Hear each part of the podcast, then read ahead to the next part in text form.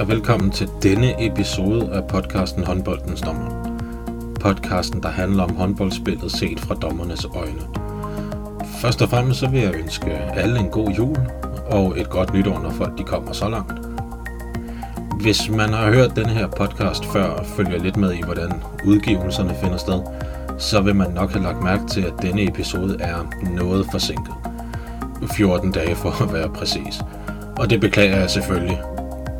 Uden at øh, bruge alt for meget energi på forklaring, så øh, var der en virusinficeret harddisk, der gjorde det rigtig svært at få optagelsen til redigering. Det lykkedes dog i sidste ende, og nu er vi her, bedre sent end aldrig. Kvaliteten af lyden er dog desværre ikke så god som håbet, men jeg har gjort det bedst mulige, og dette blev resultatet. I denne episode har jeg sat en tidligere divisionsspiller i stævne til en snak om forholdet mellem spillere og dommere. Det er en samtale, jeg har haft lyst til i en del år efterhånden, hvor at jeg igennem årene har fået samlet sådan cirka 1000 spørgsmål, som jeg en dag godt kunne tænke mig at spørge en spiller og have en dialog omkring. Og øh, efter snakken her, der er jeg dernede på kun omkring 965 spørgsmål tilbage, så det går da den rigtige vej. Vi nåede ikke helt så mange af de her små emner, som jeg havde håbet på, men det var altså på grund af en vildt spændende snak om både kommunikation og så om en sort bog. Til sidst vil jeg sige, at hvis man gerne vil følge med i, hvad der sker i podcasten, så er det muligt at gøre på de sociale medier, som bliver kaldet for Facebook og Instagram, hvis man ikke allerede gør det selvfølgelig. Begge steder er navnet håndboldens dommer, så det er ret nemt at finde. Man er mere end velkommen derinde, hvor der i det nye år, for uden opdateringer, også vil komme afstemninger og debatter om vores vidunderlige sport. Så kig ind på disse sociale medier, og ellers så ses, snakkes, høres vi ved i det nye år. Pas på jer selv og hinanden på vejen over. Rigtig god fornøjelse.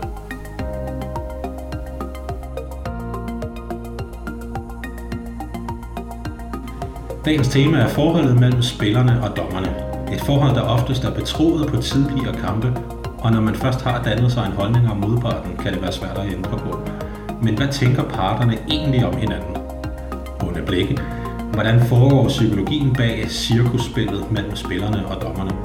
Hvordan kommer man ud over de forudindtagelser og alligevel får en god kamp? Hvad sætter førstehåndsindtrykket, og hvordan kan det ændre sig i løbet af kampen?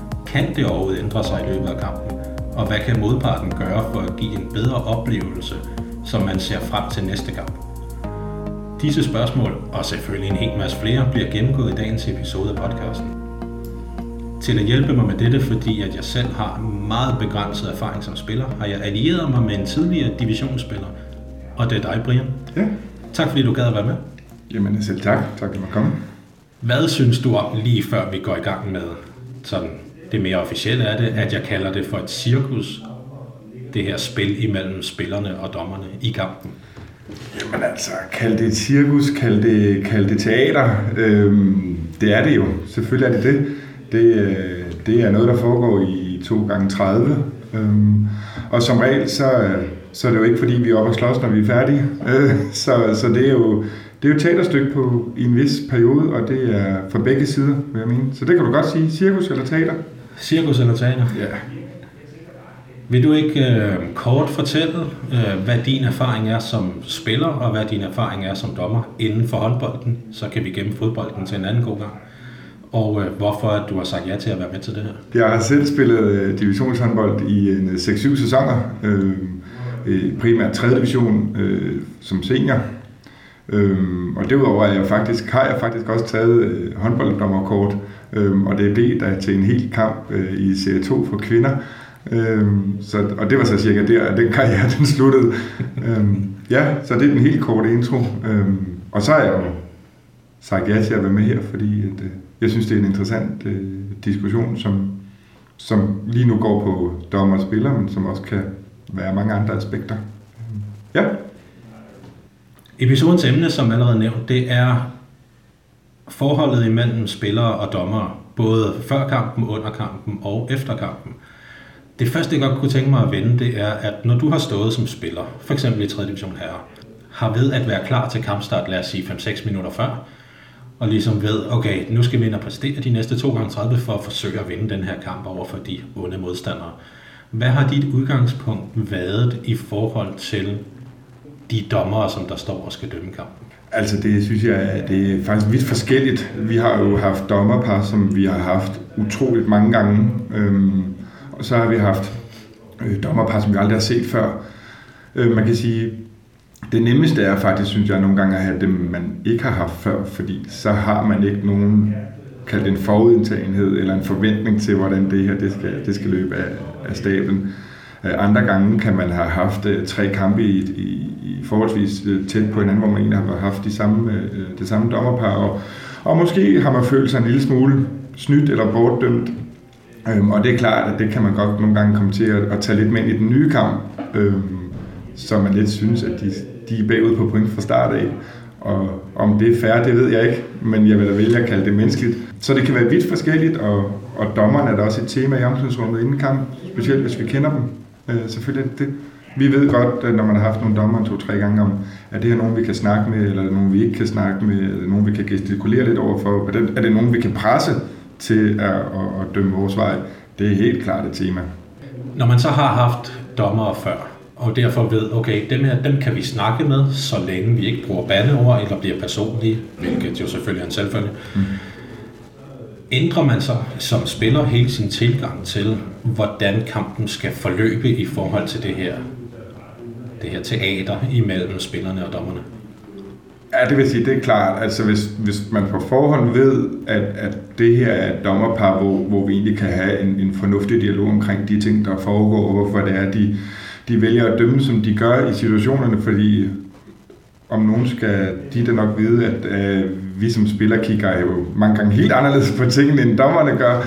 Øh, og så er det altså bare rigtig, rigtig rart, at man nogle gange kan få den her helt korte og lynhurtige forklaring, øh, uden at der behøver at være mere i det, øh, frem for at blive affærdiget med lidt, med lidt arrogance, eller, eller hvad det nu engang måtte være. Øh, så, så jo, klart, at, at ved vi, at vi kan snakke med dommerne, så, så, så for mig personligt er det rarest, øh, i forhold til, at vi nogle gange har nogen, hvor man bare tænker, at man skal løfte et forkert, og, og så kan vi da tage en vandpause i hvert fald ude på, ude på bænken. Ikke?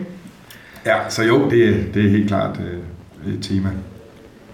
Og så nævnte du også det her med, at man muligvis også fordi vi er mennesker, tager de tidligere kampe med ind. Altså allerede før kampen er gået i gang, så kan man som dommer være i minuspoint eller i pluspoint. Der er jo selvfølgelig også nogen, der synes, at man har gjort det så godt tidligere, at man måske har lidt længere snor sig i den kamp. Ja. Men modsat kan man også godt have kortere snor. Og da det jo er med negativt foretegn at have kortere snor, så lad os starte med den, fordi den er mest interessant at snakke ja. Om. Som dommer er man selvfølgelig meget opmærksom på at gøre alt, hvad man kan som menneske for at lægge den tidligere kamp bag sig, hvis man nu føler, at man måske har haft en lidt dårlig oplevelse med et bestemt hold, når man skal ud og have dem igen. Hvor meget er man som spiller bevidst omkring, at det giver den bedste mulighed for at få en positiv oplevelse, hvis man lægger den tidligere kamp bag sig? Oh, det var en af de svære, Mike. Øhm, det er det, jeg kan. Ja, tak skal du have. Hvor bevidste er vi om at prøve at lægge det bag? Jeg tror, jeg tror ikke, at der er nogen, der egentlig sådan helt fuldt ud bevidst går ind og siger, for helvede, undskyld sproget, nu er det dem her igen, øhm, og de har også bare været skide dårlige i de sidste fire gange, vi har haft dem. Så det er det helt sikkert også i dag, og så fra sekund et, så hader vi dem. Men jeg tror omvendt, at der er en hurtig tendens, altså der skal ikke, være, der skal ikke gå meget imod ens hold de første par minutter, for at det her det så bare blusser op inde i spilleren øhm, helt ubevidst omkring sig. Du er kraftet mig også så dårlig, og det har du jo været de sidste fire gange, vi har haft dig. Øhm, men det er da klart, at det, det, det er en fordel, hvis man kan gå ind og, og være, være tavlen øh, hver eneste gang. Øhm, men igen, vi er mennesker, og vi er præget af de oplevelser, vi har haft tidligere, og dem er ikke, de er ikke altid så nemme lige at, at lægge væk i tasken, som man gerne ville. Og nu, nu kommer jeg med den første antagelse i, i løbet af denne her samtale. Det er dejligt. Og der kommer til at komme et par stykker, fordi det er jo det, der er spændende for mig som dommer, det er at snakke med en. Jeg har halvanden sæsons erfaring som spiller, og ikke på særlig højt niveau. Så at snakke med en, der faktisk har spillet på det niveau, hvor jeg selv dømmer i dag, mm. det synes jeg er rigtig spændende.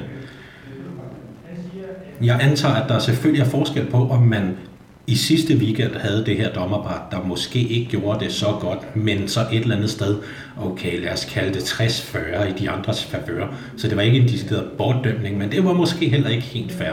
Man lander sådan et sted mellem de to ting. Og så måske, hvis man føler, at det er fjerde kamp i træk, som du selv siger, at man har været dårlig.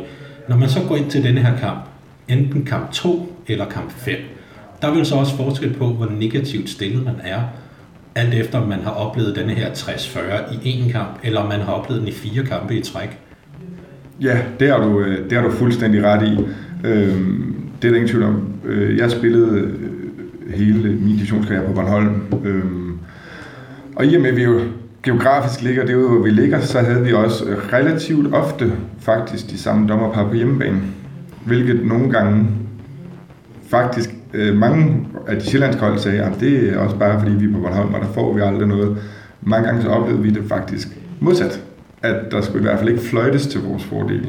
Øh, og der kunne man godt sådan, når man når hen tre kvart del igennem sådan en sæson der midt i, midt i foråret, tænke, nu må det her simpelthen snart få en ende. Altså det var lige før vi næsten bad om at få dommer fra Sjælland eller København over, for at vi skulle prøve at have det færdigt også på hjemmebane. Øhm, så det er klart, der kunne godt, i løbet af sådan en sæson kunne man godt være sådan lidt, åh, skal vi nu have dem igen på hjemmebane? Øh, fordi det er altså ikke nogen succes lige i øjeblikket. Øh, men omvendt, så er der jo også, øh, hvis jeg må tage hul på den, Mike, øh, der er jo også et dommerpar, som, som vi har haft, hvor vi der aldrig har været problemer. Øh, og det skyldes jo helt sikkert også historikken.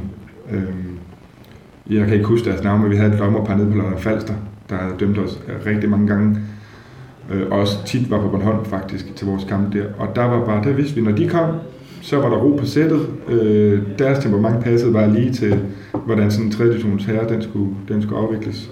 Øh, så det går også den anden vej i forhold til det positive aspekt. Selvfølgelig gør det det. Det her med forudinsathed bliver oftest nævnt i en negativ sammenhæng, mm. men det kan jo selvfølgelig også være en positiv sammenhæng. Ja. Når I så skulle have et dommerpar, som I ligesom vidste, okay, i hvert fald de sidste par gange, vi kan huske, vi har haft dem, der har ikke været noget. De går ind og finder det spændingsniveau, som der skal findes. Vi får lov til at snakke lidt som mm. spillere. Mm. Vi får lov til at komme ud med lidt reaktioner. Mm eller aggressioner, alt efter hvornår i kampen det er som regel. Vurderer det. og, når, og når kampen spidser til hen imod slutningen, så bliver der ikke ændret på det fra dommernes side, så man må det samme hele kampen mm. igennem. Mm. At, at man som spiller mere tryg ved at have dommer, hvor man ved, at det er sådan her, det forløber, eller kan det i virkeligheden så som spiller også blive til en sovepude, at man går ind og forventer, at det skal være på en bestemt måde? Jeg vil sige, det, det, det gør det væsentligt nemmere at spille håndbold, når du ved, hvad du kan forvente fra dem i sort. Lad os bare kalde det. Jeg ved godt, de også har alle mulige andre farver. Men, men dem i sort, det, det, personligt er det meget nemmere for mig at agere øh, i min gørnerladen på banen, når jeg fuldstændig har styr på, hvordan at jeg, de ting, jeg gør eller siger, bliver modtaget i forhold til, at øh, det enten svinger helt enormt i løbet af kampen, hvilket jeg godt kan forstå for det indimellem gør, øh, eller hvis det er et nyt par, hvor jeg tænker, nu gør jeg sådan her. Jeg aner faktisk ikke, om outcomet bliver, at han løber forbi mig og ikke siger noget, eller om han stikker mig øh, en, en to minutters udvisning. Det kan også godt være dybt frustrerende. Øhm, men klart jo, hvis jeg ved, hvis jeg ved hvordan, at, øh, eller har en klar holdning til at tro på, at jeg ved, hvordan dommerne de, de agerer i forskellige situationer, så er det også min erfaring, at, øh, at vi som spillere øh, nemmere kan agere i det, og punkt to også nemmere faktisk acceptere de kendelser, der bliver lavet i kampen, fordi vi ved udmærket godt, hvor den her grænse den er henne. Jeg snakkede med en af mine dommerkollegaer om det her, med at komme med de her små kommentarer i løbet af kampen. Vi kommer nogle gange med to af dem i løbet af en kamp, vi kommer nogle gange med 30 af dem i løbet af en kamp. Fordi det kommer lidt an på, hvor meget spillerne egentlig vil snakke i dag. Så forsøger vi i vores marker på at tilpasse os den mængde snak, som de gerne vil have. Mm. Med din erfaring som spiller, selvfølgelig varierer det fra kamp til kamp. Men er det generelt, som spiller læner man sig generelt mest til, at det skal være de her korte, forholdsvis kontante, nogle gange øh, små bemærkninger, der kommer, små forklaringer, der kommer på en kendelse, eller er man i virkeligheden tryg ved de her lidt længere forklaringer, man måske ser inden for fodbolden også? Selvfølgelig ikke 20 af dem i en kamp, fordi så var den ikke kun 60 minutter kamp. Øh, som spiller, hvad hælder man mest til? Eller er det i virkeligheden situationsbestemt? Jeg vil faktisk hæfte mig med lige præcis det sidste, du siger. Det, øh, det, det er situationsbestemt. Jeg vil sige, det vi kan kalde standard spændingsniveau i sådan en divisionsmatch, der, der, der føler jeg jo, at de små, hurtige, øh, til tider lidt spidse kommentarer faktisk fungerer rigtig godt, fordi de også kan komme faktisk mens spillet kører. Så der kan sagtens komme en øh, nede fra mål, eller en kommentar fra mållinjedommeren, der pludselig siger, et eller andet ud til fløjspilleren eller til bakken, fordi han har måske været lidt hårdhændet ved den der stakkels stregspiller, der har bevæget sig ind. Eller et eller andet, der, der kan korrigere nogle ting, inden det løber af spor. Det synes jeg fungerer personligt og er rigtig godt. Jeg vil så sige, at omvendt, øh, når der så er de her situationer, som man som spiller forventer, øh, skal tage lidt længere tid at snakke om, at, at så er dommeren også i stand til at tage sig de 15-20 sekunder, det så i givetvis vil tage. Øhm, og der vil det jo typisk faktisk være os som spillere, der henvender os til dommeren for at få en, en lidt større forklaring på, hvorfor dømmer du øh, angrebsfejl på den her stedet for straf for eksempel. Øh, øh, hvorfor har der to minutter på den her og ikke på den i den anden ende, eller hvad det måtte være. Det kan være en øh, puff på ydersiden af bakken, eller en holden i armen, en ikke holden i armen, låse, ikke låse, alle de her ting, som, som der er så mange situationer i løbet af en kamp, at man nogle gange godt kan have brug for lige at sige, hvor fanden finder vi lige hinanden henne her? Øhm, så jeg synes, det er meget situationsbestemt, men, men så længe spillet kører, så, så er de små korte øh, virkelig, virkelig effektive. Ja, og det vil jo også være, det er også mit udgangspunkt, når det er, jeg dømmer, uanset, faktisk uanset øh, på seniorniveau i hvert fald, uanset niveau og køn, som jeg dømmer, mm. så er det de her så korte som muligt, men så pointen stadig bliver serveret til dem. Og så kan man så variere det lidt alt efter, hvordan kampen den forløber sig nogle gange i løbet af kampen, så får man jo så også den her mulighed. Lad os sige, at der er en spiller, der er skadet og skal lige tilses, eller der skal lige tørres noget ja. vådt op fra gulvet eller sådan noget. Så får man de her nat- naturlige pauser i spillet, mm. hvor man som dommer har mulighed for at gå ind og sige til en spiller, det bruger jeg i hvert fald, hvis jeg føler, at en spiller ikke lige har forstået et budskab, jeg er kommet med, mm. så lige at sige, fangede du egentlig, hvad det var, jeg sagde der, fordi det går hurtigt. Mm. Som du også nævner, når spillet er i gang, så ved man, også som spiller, går jeg stærkt ud fra, at hvis jeg stopper op nu og diskuterer med dommeren, så mangler de mig hjemme i forsvaret. Ja. Og så får jeg altså skæld ud fra mine holdkammerater. Hvilket som dommer hører man jo jævnligt det der, lad det ligge og komme hjem. Mm. Og så kan man sgu altid tage diskussionen senere. Hvor, hvor længe husker man på som spiller i kampens hæde, jeg skal lige tage den der med dommeren, når, når tiden er til? Det tror jeg er utrolig individuelt. Øhm, der er jo helt naturligt visse positioner øh, på banen, der har væsentligt flere, lad os kalde det episoder, end, end andre. Øh, nu var jeg selv øh, en meget adræt fløj, øh, så det var jo ikke det var jo ikke fordi jeg var i de vilde slagsmål på den måde, kan man sige. Øh, I hvert fald ikke øh, et tocifret antal gange på, i løbet af sådan en kamp, men, men nogle af vores lidt større stregspillere og midterforsvar, de havde jo selvfølgelig mange flere situationer, der, der, der kunne snakkes om og diskuteres. Øh, så personligt kunne jeg have noget efter 5 minutter, som jeg efter 59 minutter stadig gerne vil have et svar på. Øh, fordi det er måske den eneste situation, jeg har haft i kampen, hvor, hvor jeg har haft tvivl om, eller haft brug for at vide noget. Og så kan jeg også holdkammeraterne sige, at jeg kan ikke huske, hvad jeg, hvad jeg lavet de sidste 10 minutter, agtigt, fordi der har været så mange infights. Øhm, så det tror jeg er meget individuelt. Ja, det, det giver selvfølgelig rigtig god mening, ja. øh, nu når du nævner det. Det giver selvfølgelig rigtig god mening, at hvis man har kampen er slut, og man har sagt tak for kampen. Man skal lige vende et eller andet med dommeren. Hvis man har 11 ting i løbet af kampen, mm. hvor man i situationen føler, det her, det kunne jeg godt finde på, at de har snakket med ham om bagefter. Mm. Mm. Kontra man har en. Ja. Hvis man har en, så er det jo åbenlyst. Det er den der, mm. hvorfor dømte du ikke straffekast på den, men kun frikast. Ja. Som fløjspiller kører ind over og synes, så er der der straffekast, hvis ja. jeg er igennem. Ikke? Ja kontra en playmaker, der har haft 11-12 situationer, hvor han føler, at han er på kant, eller han er på siden, eller han er indover, ja. og så kun får faktisk det samme frikast, som fløjspilleren får. Mm. At det er jo selvfølgelig to vidt forskellige situationer, fordi en spillers mindset er meget forskelligt. En fløjspiller, som oplever en situation, tænker måske, den glippede måske, den der situation. En playmaker, der føler sig små, småt bortdømt 11 gange, føler måske, at dommerne har dømt væsentligt dårligere, end de egentlig har. Ja, enig. Når man så sidder inde i omklædningsrummet bagefter, sådan lige får pulsen lidt ned, øh, fra kampen slutter til man sidder i omklædningsrummet, kan der måske gå 2, 3, 4 minutter. Ja. Hvordan vender man så, gør man det overhovedet taktisk, vender man dommerne efter kampen?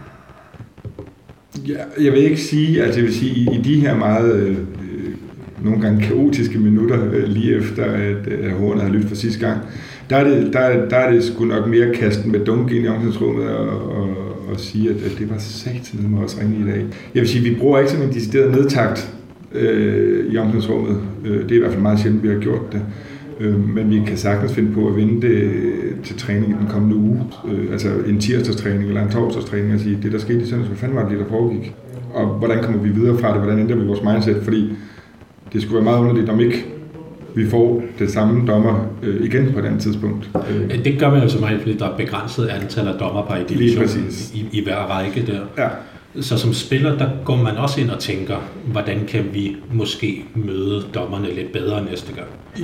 Ja, eller, eller, eller hvis jeg skal være helt ærlig, øh, så er tankegangen nok ikke så romantisk i, hvordan kan vi møde dommeren bedre næste gang. Det er mere ud i, hvordan kan vi bruge det her næste gang, vi har den samme dommer. Altså, hvilke erfaringer har vi gjort os med det her dommerpar i forhold til at sige, okay, kan vi være en halv erfaring foran vores modstandere omkring det her dommerpar?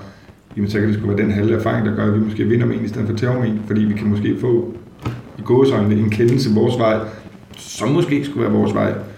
Øhm, og så kan vi jo altid gå ind og diskutere, om det er decideret usprogslig øh, tankegang, eller om det er passion, eller om det er hvad det er. Øh, om det, det bare er at bruge en fordel eller et eller andet. Det var mere de baner, jeg tænkte. Altså, at man tilpasser sig situationen, og så bruger den fordel, der kommer ens vej. Ja, lige præcis. Ikke? Øh, man, har, man har tilegnet sig noget viden, og det er jo, når, når vi snakker de her situationer, så er det jo altid på en lidt, lidt trist baggrund, fordi man som regel har tabt de her kampe, når man er en lille smule sur på dommeren. Ikke? Det er som regel det, der er mest at snakke om i hvert fald. Ja, det er sjældent, det er sjældent man sådan for alvor er rigtig sur, hvis man har vundet med fem, ikke? Jo, det, det, det har jeg sjældent oplevet. I. Ja, præcis. Når man så har haft, lad os sige, du har haft et dommerpar for første gang, så I har ikke kendt hinanden på forhånd, I har ikke haft nogen forudindtagelser omkring de her to i sort. Mm. Og de måske har klaret det, lad os sige, 60-40 til modstanderens mm. fordel i mm. jeres øjne.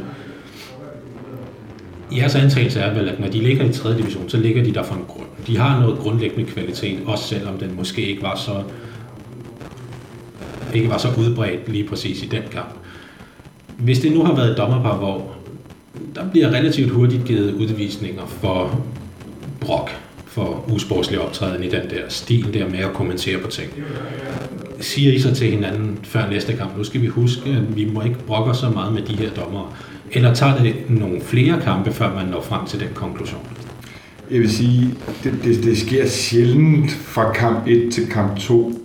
Øh, i forhold til det her øh, nye ukendte dommerpar, for, i vores øjne i hvert fald ukendte dommerpar.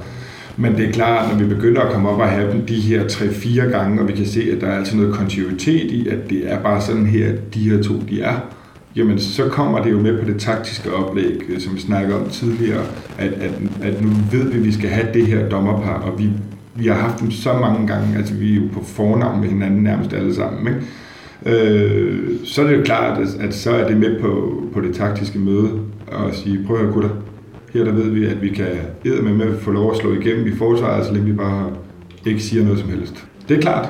Og andre så siger man, her der, der skal vi helst ikke være for hårde, men til gengæld så kan vi næsten sige, hvad vi har lyst til. Øhm, så det er klart, det er klart en del af, af det taktiske oplæg. Og nu nævner vi det her med, øh, dommerparet kan være ny i rækken, og derfor så er ens tilgang til dem måske også lidt anderledes. Men nogle gange så er det jo faktisk også et hold, der er ny i en række, fordi man har rykket op, mm. øh, lad os sige, fra øh, kvalrækken, det hedder Sjællandserien på Sjælland, mm. hvilket ikke giver nogen mening, op til 3. division. Så man er nyoprykker til 3. division. Så får man et dommerpar, som man har en formodning om, lad os sige, ud fra deres alder, at de nok har været i den her række i nogle år ændrer ens tilgang til kampen så, ved at man ved, at nu er det faktisk også der er de nye drenge i klassen? Ja, altså, øh, måske ikke voldsomt, men lidt kan det godt, det her med at sige, okay, vi ved godt, at vi er kommet en række op her. Vi må alt andet lige antage, at, at vi kommer op og møder nogle bedre hold, øh, får nogle bedre dommer. Øh, der må givetvis gås lidt mere til den. Øh, nu har jeg ikke selv på den måde været med til sådan at rykke det vilde rundt i rækkerne øh, i de samme årgange. Øh, men man kan da jo nogle gange se, at når vi har mødt nogle lidt, øh, af de lidt nye hold, at, at de måske egentlig kommer ud og spiller øh, for hårdt i virkeligheden, fordi de tænker, at vi skal i hvert fald ikke dø på fysikken øh, i det her. Øh, så det er klart, at når man kommer ud øh, som nyoprykket hold, at, at, at så antager man, at, at, at kvaliteten af alt det omkring kampen og i kampen bare er på et højere niveau. Øh, og det, det inkluderer selvfølgelig også dommerne? Det inkluderer dommer, det inkluderer øh, hal, øh, tilskuere, jeg snakker ikke handens øh, om gulvet er godt og sådan nogle ting, men, men tilskuerne, omgivelserne, mulighederne, øh, er, er, må der bare den lige være forskel på, om du spiller en, en bundkamp i, i Sjællandsserien eller en, en topkamp i, i 3. division for eksempel. Øh, I, ideelt set, ja. ja. Det, det, det skulle der gerne være. Ja, lige præcis. Øh, så der, der er også rigtig mange uden, udefrakommende faktorer, der også kan spille ind i starten af sådan en sæson, når man er nyoprykket. Øh, ja, så. så der er tale om, at, at du har primært erfaring i andre hold, der ligesom er de nye hold i rækken. Ja. Og så ligesom har set, okay, de går lidt for hårdt til den, fordi de nok nok har sagt til sig selv, vi skal i hvert fald ikke tabe fysisk, mm-hmm. så må vi forsøge at rette lidt ind der. Ja, ja og måske kommer, kommer med et, lidt, altså et helt andet spændingsniveau, og, at, og nok også lidt på adrenalin de første 3-4 runder, øh, specielt hvis de får lidt medvind øh, og får nogle point hist og pist, jamen så, øh, så, så er det klart, at så er den der selvforstærkende. Øh, og det har vi da set, at at vi kan have mødt det samme hold i anden runde og i, i, i 15. runde, og det er to vidt forskellige hold, selvom det er de samme 15 øh, mand, de har med til kamp, så det er to vidt forskellige hold, vi har mødt. Øhm. Ja, og i denne her, lad os kalde den transformation, hvor der skal være en form for ensartethed i det, som dommerne laver i en tredje division, for eksempel. Mm. At der er dommerne jo ret vigtige i forhold til at få det her nyoprykkede hold til ligesom at give lidt ned på det fysiske, hvis det er fordi taklingerne ligger sent, det vil sige så får timingen ind og sådan nogle ting. De dommer, som du har oplevet, der er gode til det her med at lave en eller anden form for strømligning eller ensartethed. Hvad er det, de har kunnet, som dem, hvor man sidder bagefter og måske tænker, det slap de ikke særlig godt fra.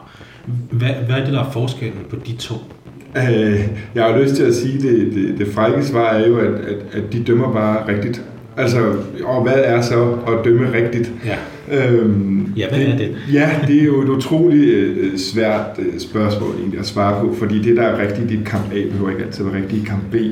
Nej, men kan man... Kan man... Men, men jamen, jeg vil sige, altså, jeg vil sige at, at de dommer, der er gode til det, det er, det er de, de, de her dommer, der har den her kontinuitet i det, de foretager sig. Det vil sige, det vi snakker om tidligere, at de svinger ikke helt vildt i deres, i deres approach, eller i deres humør, eller i deres måde at gøre tingene på, deres aggressivitet, deres arrogance, som også kan være en fordel at have. Det skal jeg skynde mig at sige, det er ikke nødvendigvis negativt lavet.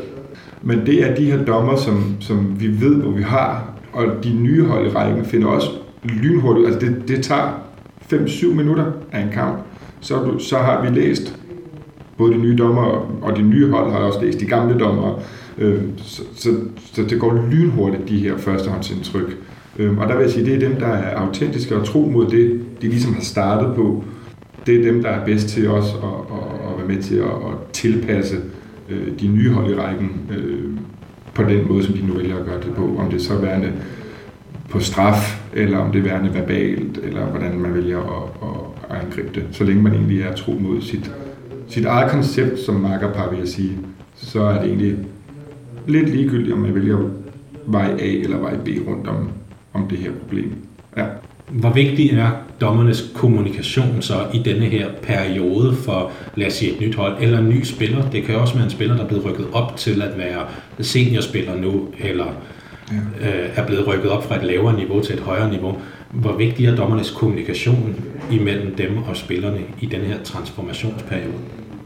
Jamen jeg vil sige, at den er, den er utrolig vigtig, og øh, i hvert fald som spiller føler man, det er vigtigt, at den sted, man bliver ikke taget godt imod, det, det er måske et forkert ord, men, men, men at man føler lidt, at, at man måske også bliver guidet, for det har man nok også nogle gange brug for, uden at vide det. Øhm, og der tror jeg også, at man fra forbunds side måske også skal kigge lidt ind i og sige, okay, vi ved, det her hold her, det er første gang nogensinde, de er i division. Det er kæmpe stort for det her lille provinsby.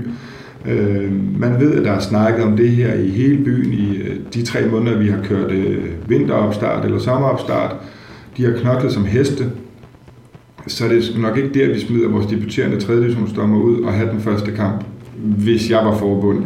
Der ville jeg måske nok gå ind og sige, okay, vi har altså nogle rutinerede heste her, der har dømt 350 divisionskampe.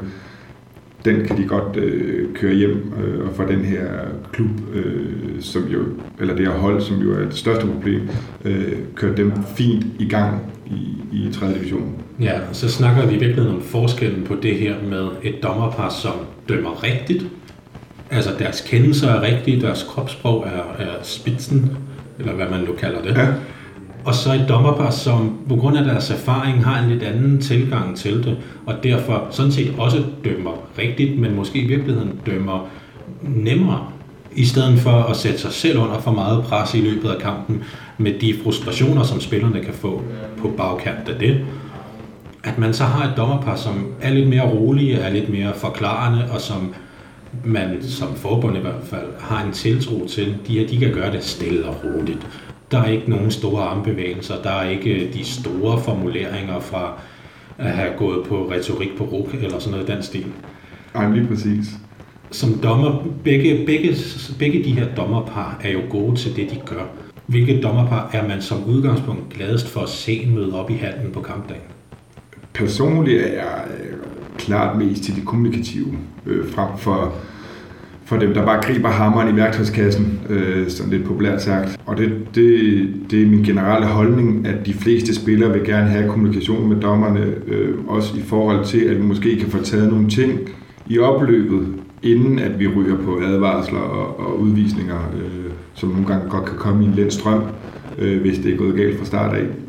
Men jeg tror specielt som nyt hold i rækken, øh, for lige at holde fast i den del af det, at det er vigtigt, at man får nogle kommunikative stærke dommer ud de første par gange, øh, fordi man på den måde får en, en, en blød landing i rækken i forhold til at bare tænke, holy shit, øh, nu har vi fået øh, 11 2 minutters udvisning i første kamp, og, og 9 den anden, hvad, hvad pokker foregår der lige i den her række. Ikke? Øhm, så det tror jeg personligt er, er, er den rigtige løsning, uden at jeg ellers skal gøre mig til formand for dommerudvalget under, under Danmarks håndboldforbund det kan jo selvfølgelig være begge veje. Der kan tale om et hold, der rykker op i en ny række. Der kan også tale om et hold, der rykker ned i en, i en ny række, og derfor skal tilpasse sig. At spiller måske går lidt langsommere, der bliver ikke markeret passivt spil så hurtigt, og det kan så være en frustration også. Fuldstændig enig. Fuldstændig. Det går selvfølgelig begge veje. Har der været kampe, hvor du som spiller så har stået og i situationen, det har der så uden tvivl, så det er et meget ledende spørgsmål, og stået og tænkt, okay, kunne vi ikke lige tage og så lægge den der pædagogsamling rundt i en rundkreds og sidde og snakke om alle tingene lidt væk, og så bare spille noget håndbold, i stedet for at alle de her ting her, lidt populært sagt, ligesom når, når man ser spansk fodbold, at alting skal overforklares, og man bruger 20-30 sekunder på en forholdsvis nogle gange nem kendelse. Har du nogle gange som spiller så stået og tænkt, okay, det, øh, jeg er for kommunikation og alt det her, men nu er det altså ved at blive lidt for dumt? Jo, det har jeg. Øh, selvfølgelig har jeg det. Jeg har ikke spillet 5-6 år i, i divisionen og uden for det. Øh, men jeg vil faktisk sige, at, at, at generelt så er det mere den anden vej rundt. Øh, altså forstå på den måde, at man godt nogle gange kan savne kommunikation. Jeg synes, det er, okay. det, jeg synes, det er faktisk det er de færreste dommerpar, der er sådan rigtig gode til det kommunikative. Altså i hvert fald nede i 3. division, øh, hvor jeg har huseret. Øh, Øh, nu er vi jo så heldige nogle gange på tv, og kan få lov at høre lidt med på ligadommerne, øh, og det er jo en helt anden historie, der foregår deroppe. Øh, men, men det jeg ligesom har oplevet, der har det tit været, at, at man ikke rigtig har kunne få lov i situationstegn lige at få en forklaring på et eller andet. Jeg har så gang gang prøvet at blive smidt ud for at spørge, hvorfor øh, som egentlig var det eneste ord, jeg nåede at sige.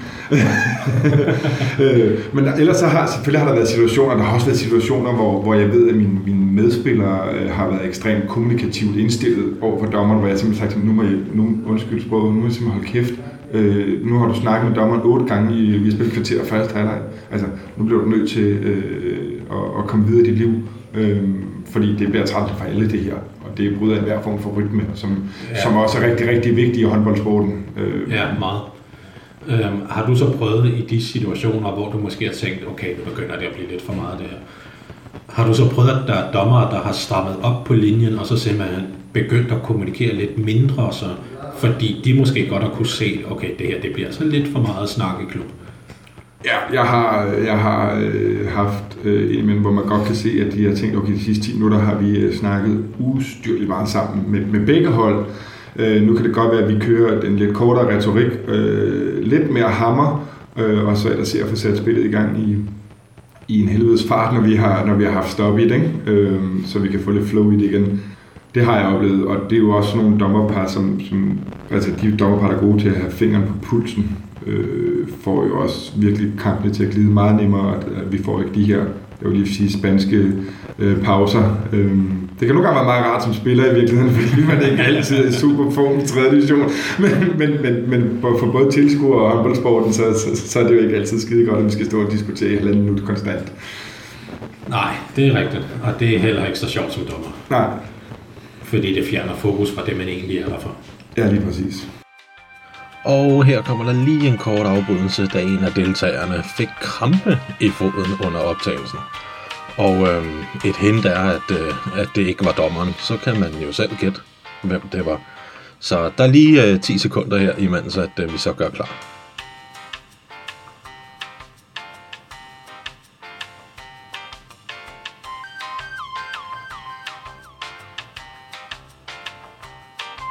Og på den nåde, så er vi tilbage igen.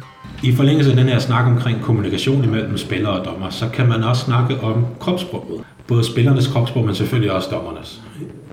Det her, når, når vi snakker om, at en, en dommer han ændrer sin måde at dømme på i løbet af kampen, så kan det nogle gange, det har jeg oplevet som dommer, selvom min intention har været fin, så bliver spillerne forvirret af det. Og der er det så, at kommunikationen er vigtig, at man simpelthen siger, jamen det der, det tillod vi i første halvleg, men det tillader vi altså ikke nu, fordi så kommer det til at tage overhånd, det der. Så koncentrer dig om at spille.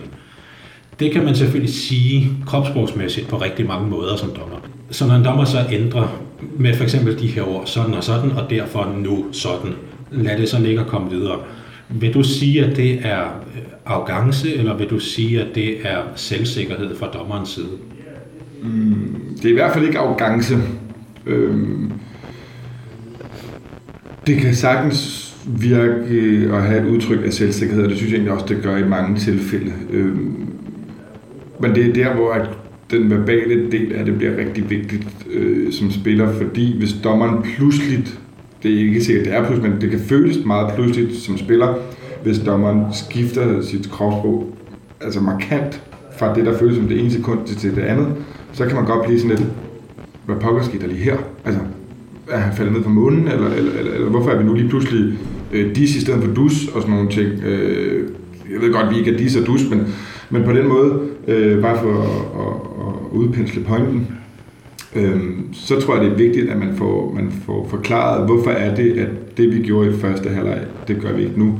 Og kan man få den historie forklaret ordentligt til spillerne, så er det selvsikkerhed øh, yeah. på højt plan. Men for, formår man ikke at få det her budskab kommunikeret ordentligt ud, så kan det godt virke som værende enten usikkerhed eller, eller arrogance over for at sige, at øh, nu er det altså mig, der er øh, kongen af banen, og så er det mig, der bestemmer, undersåtter, her kører vi bare. Øh, så den kommunikative del der er vigtig, når vi skal lave den her opstramning i, i forhold til, hvad vi tillader eller ikke tillader, for eksempel. Ja, og denne her opfattelse af, okay, der er et eller andet, der har ændret sig ved dommerens måde at håndtere den her situation på, fordi i første halvleg i en lignende situation, der kom der en lille bemærkning. Mm. Nu her, 10 minutter før tid, så der er spillet 50 minutter, der kommer den der bemærkning ikke, der vender han bare rundt, mm. øh, og så sætter spillet i gang. Ja. Som spiller, opfatter man det undervejs, eller er det noget, man så i virkeligheden først opfatter bagefter, at det foregik? Jeg vil sige, det, det, det, det har været fortal af gange, hvor, hvor at, at, at man, de her små ting sådan bliver bemærket lige når det sker. Øh, det er egentlig mere det her, når, når linjen ændrer sig markant, altså det kan være i straffe for eksempel, øh, i forhold til sin, åh, men det her dommer, det gav du jo kun et, et helt almindeligt frikast for i første halvleg. Hvorfor skal jeg lige pludselig, hvorfor skal jeg lige pludselig have en to minutters på den? øh, for eksempel. Og det kan jo sagtens være, at kampen har udviklet sig i en retning, hvor, hvor det er blevet meget voldsomt, eller hvor man godt lige vil ind og statuere nogle eksempler.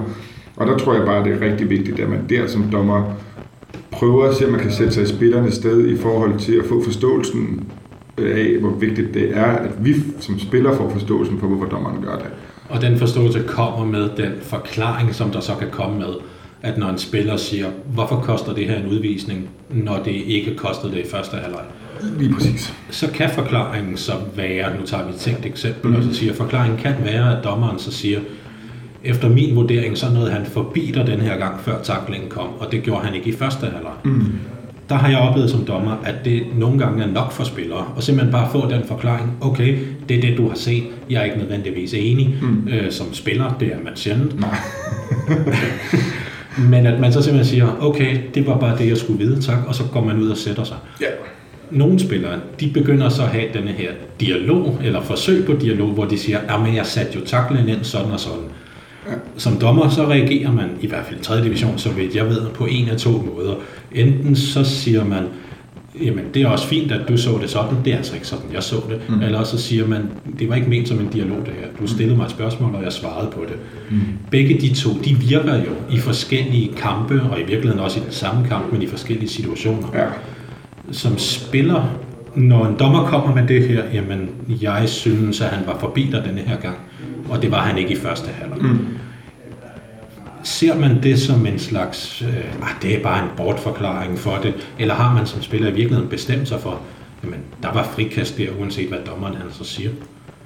Øhm, det tror jeg er meget individuelt øh, fra spiller til spiller i virkeligheden, og, og der anerkender jeg fuldt ud, at man som, som dommer kan have mere end almindelig styr på, hvilket temperament de forskellige spillere har, øh, for det kommer også meget an på det at, at nogen føler jo, at de øh, fra sekund 1 bliver bortdømt, og indtil vi er færdige, og andre de siger, de, de, de vender sig bare og siger undskyld, øh, selvom det var dem, der blev slået, agtigt.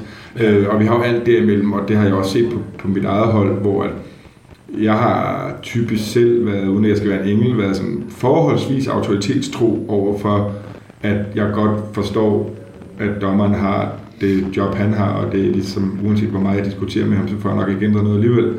Men jeg har så sandelig også haft medspillere, der, der har været mere end almindelig lang tid måske om at forlade banen efter en, øh, en, en to minutter, eller, eller hvad det kunne være. Ikke? Øhm, men jo, jeg vil faktisk gerne øh, hoppe med på den vogn omkring det der med, at du siger, at der er ligesom to måder at, at håndtere det her på, eller at give det her svar på. Som du siger, det er, det er den med, at det, det er ikke oplagt til, eller, eller oplagt til en diskussion det her videre, øh, eller sige, at det kan også godt være, at jeg anerkender fuldt ud af det, som du har det, men, men fra mit synspunkt, eller fra mit synsvinkel, eller derfra, hvor jeg så det, der var det altså en anden situation.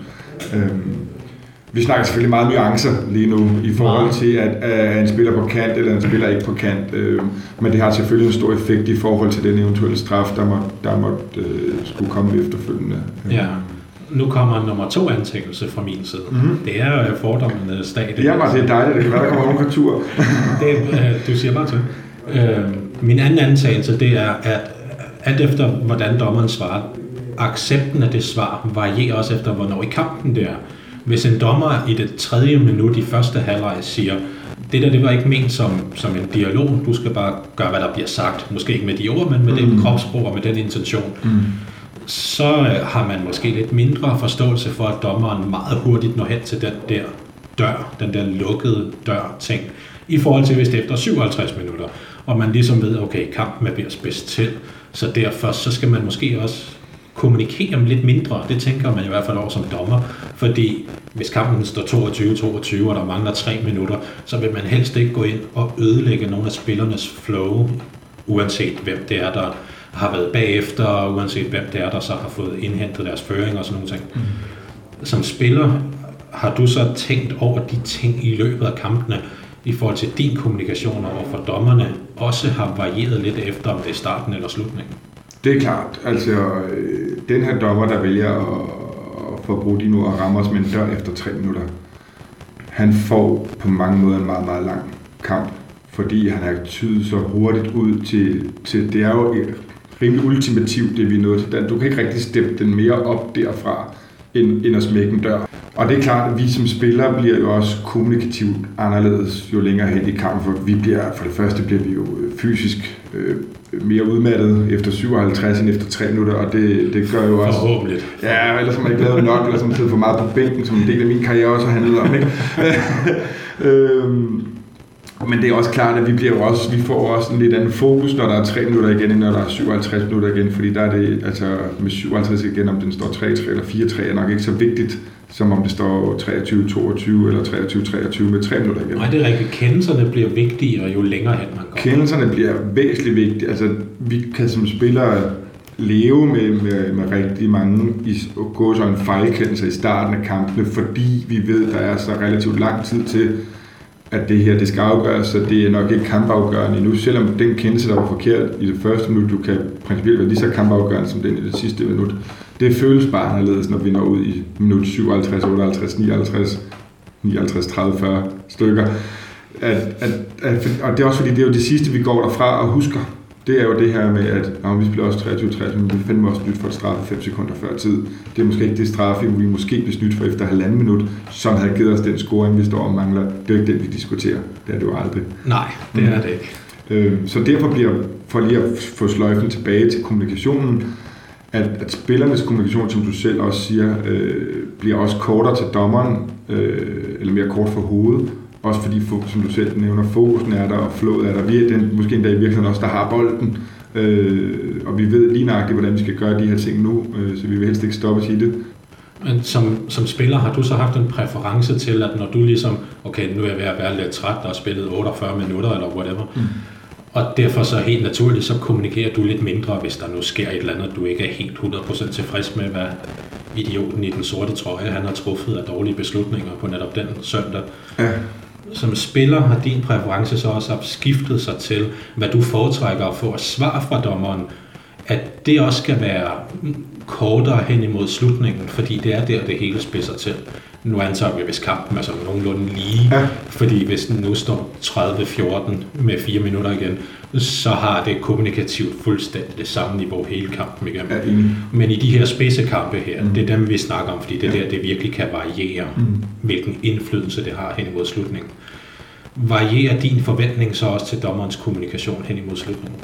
Ja, jeg vil sige, forventningen varierer, og det, jeg, det at man mange gange tror, man gerne vil have som spiller, altså den korte retorik, øh, er jeg ikke altid nødvendigvis sikker på, faktisk er den, vi inderst inden gerne vil have.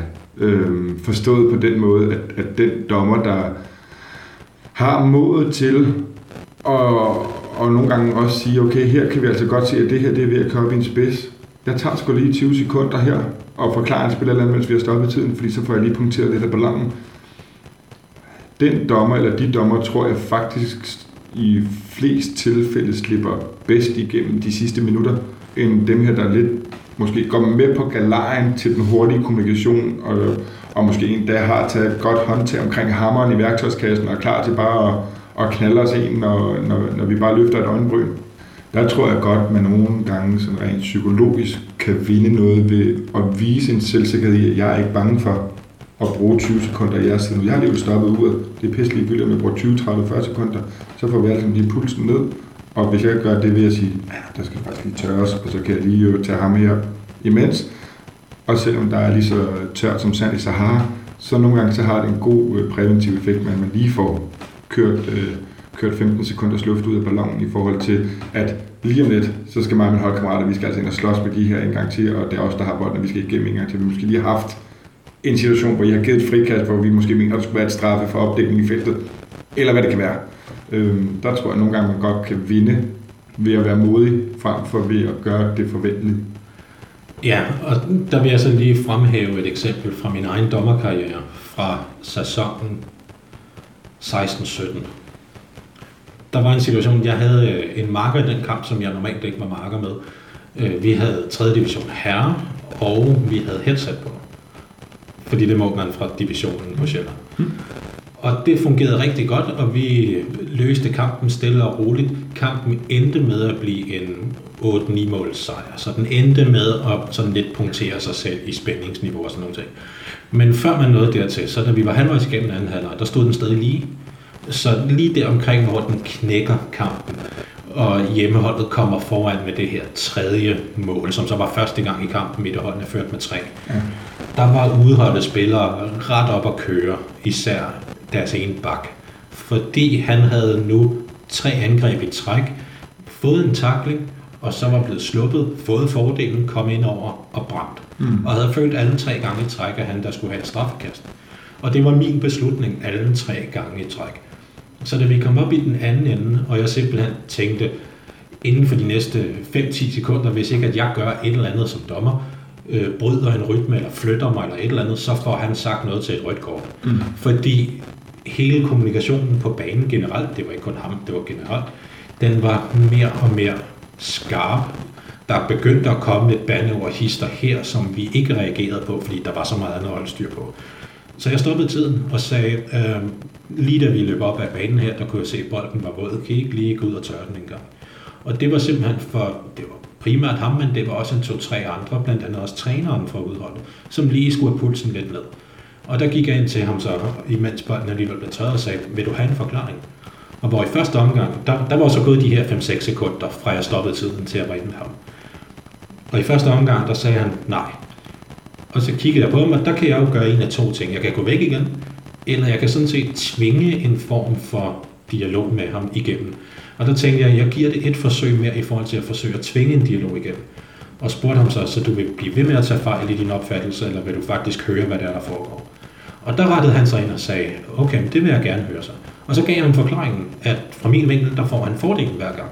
Så kan det godt være, at han brænder, men det synes jeg bare ikke er forsvarsspillerens skyld, når han har fuld kontrol over krop og bold, og så han bare afslutter mm. dårligt. Og ved at lige få bolden tørret, få brugt de her 20-25 sekunder, og bolden var inde igen, imens vi stadig stod og snakkede, så folk opfangede godt, jeg havde et eller andet med ham, mm. som der lige skulle ordnes. Og så byttede side med dagens marker, som i øvrigt i headsetet stod og sagde, nu er bolden klar, lad os komme videre. Og hvor jeg så sagde, jeg skal lige være færdig med ham her først. Gå midt i en sætning, det går heller ikke. Ja. Og da min marker han så for anden gang sagde, kom nu Mike, så tog jeg headsetet ud, så jeg ikke kunne høre ham mere. Hvilket også var et signal til spilleren at sige, jeg har tænkt mig at bruge den tid, som der er nødvendigt for at få dig ned i gearmester. Ja. Det fik en, en meget positiv modtagelse for både ham, hans træner, som jo også hørte forklaringen, og derfor også fik forklaringen. Så byttede mig med Markers side, så han kom ned og så lavede eventuelle fremtidige vurderinger. Der kom så ikke flere. Mm. Men det havde jo været fantastisk, hvis der nu var kommet en til, så han havde kunnet træffe vurderingen dernede. Ja.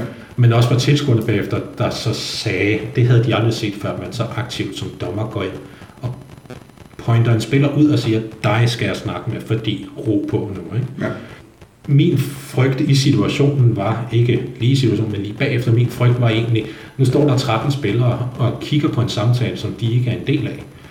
Er der, kan, kan der være en frygt for, at en dommer i virkeligheden kan komme til at misbruge spillernes tid, fordi man går ind og, og har en dialog på de her 20-25 sekunder med én spiller i din optik? Det var et meget langt spørgsmål, Mike. ja. Øh, jeg vil sige, at både og. Øh, og det er jo det rigtig gode svar på, ikke?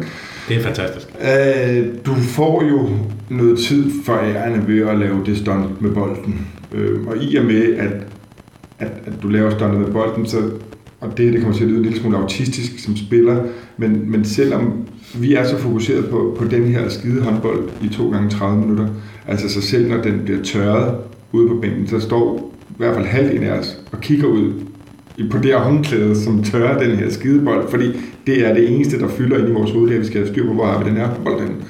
Det vil sige, at vi har givetvis ikke opfattet et eller andet sted øh, at du har brugt tid på at stå og snakke med ham. Det vil sige, når bolden kommer ind igen, og vi er klar, så ser vi bare, at der står en dommer og snakker. Nå, men fair nok. Jeg ved ikke, om det er min holdkammerat, der har rettet henvendelse til dig, eller omvendt, fordi det har jeg givetvis ikke opfanget.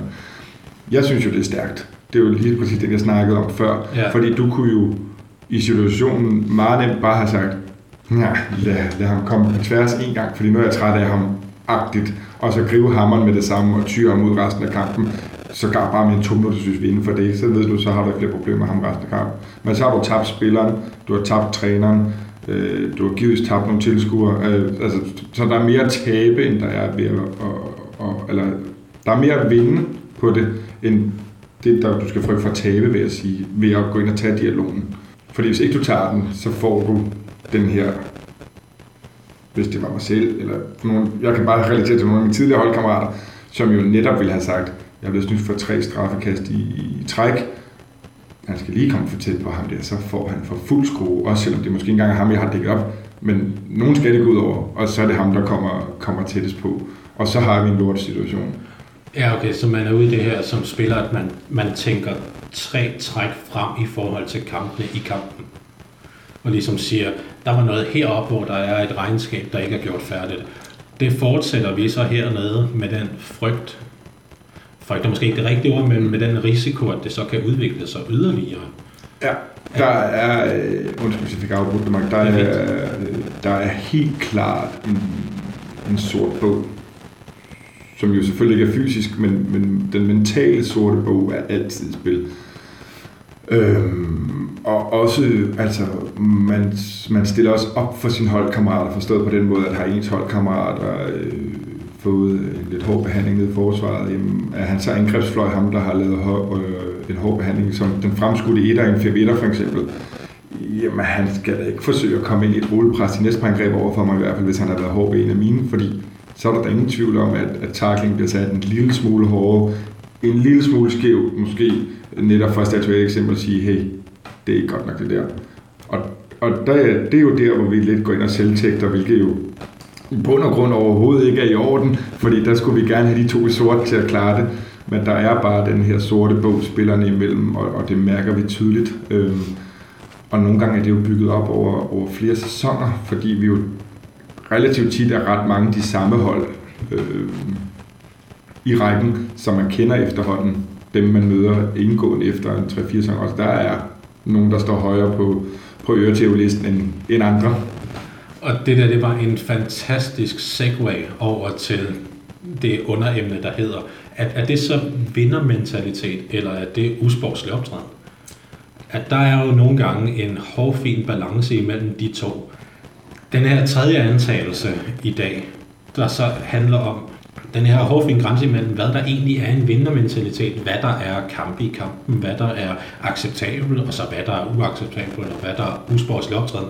Der er nogle ting, der giver sig selv, at det er uacceptabelt at gøre, upagtet af, hvad der er gået forud for det.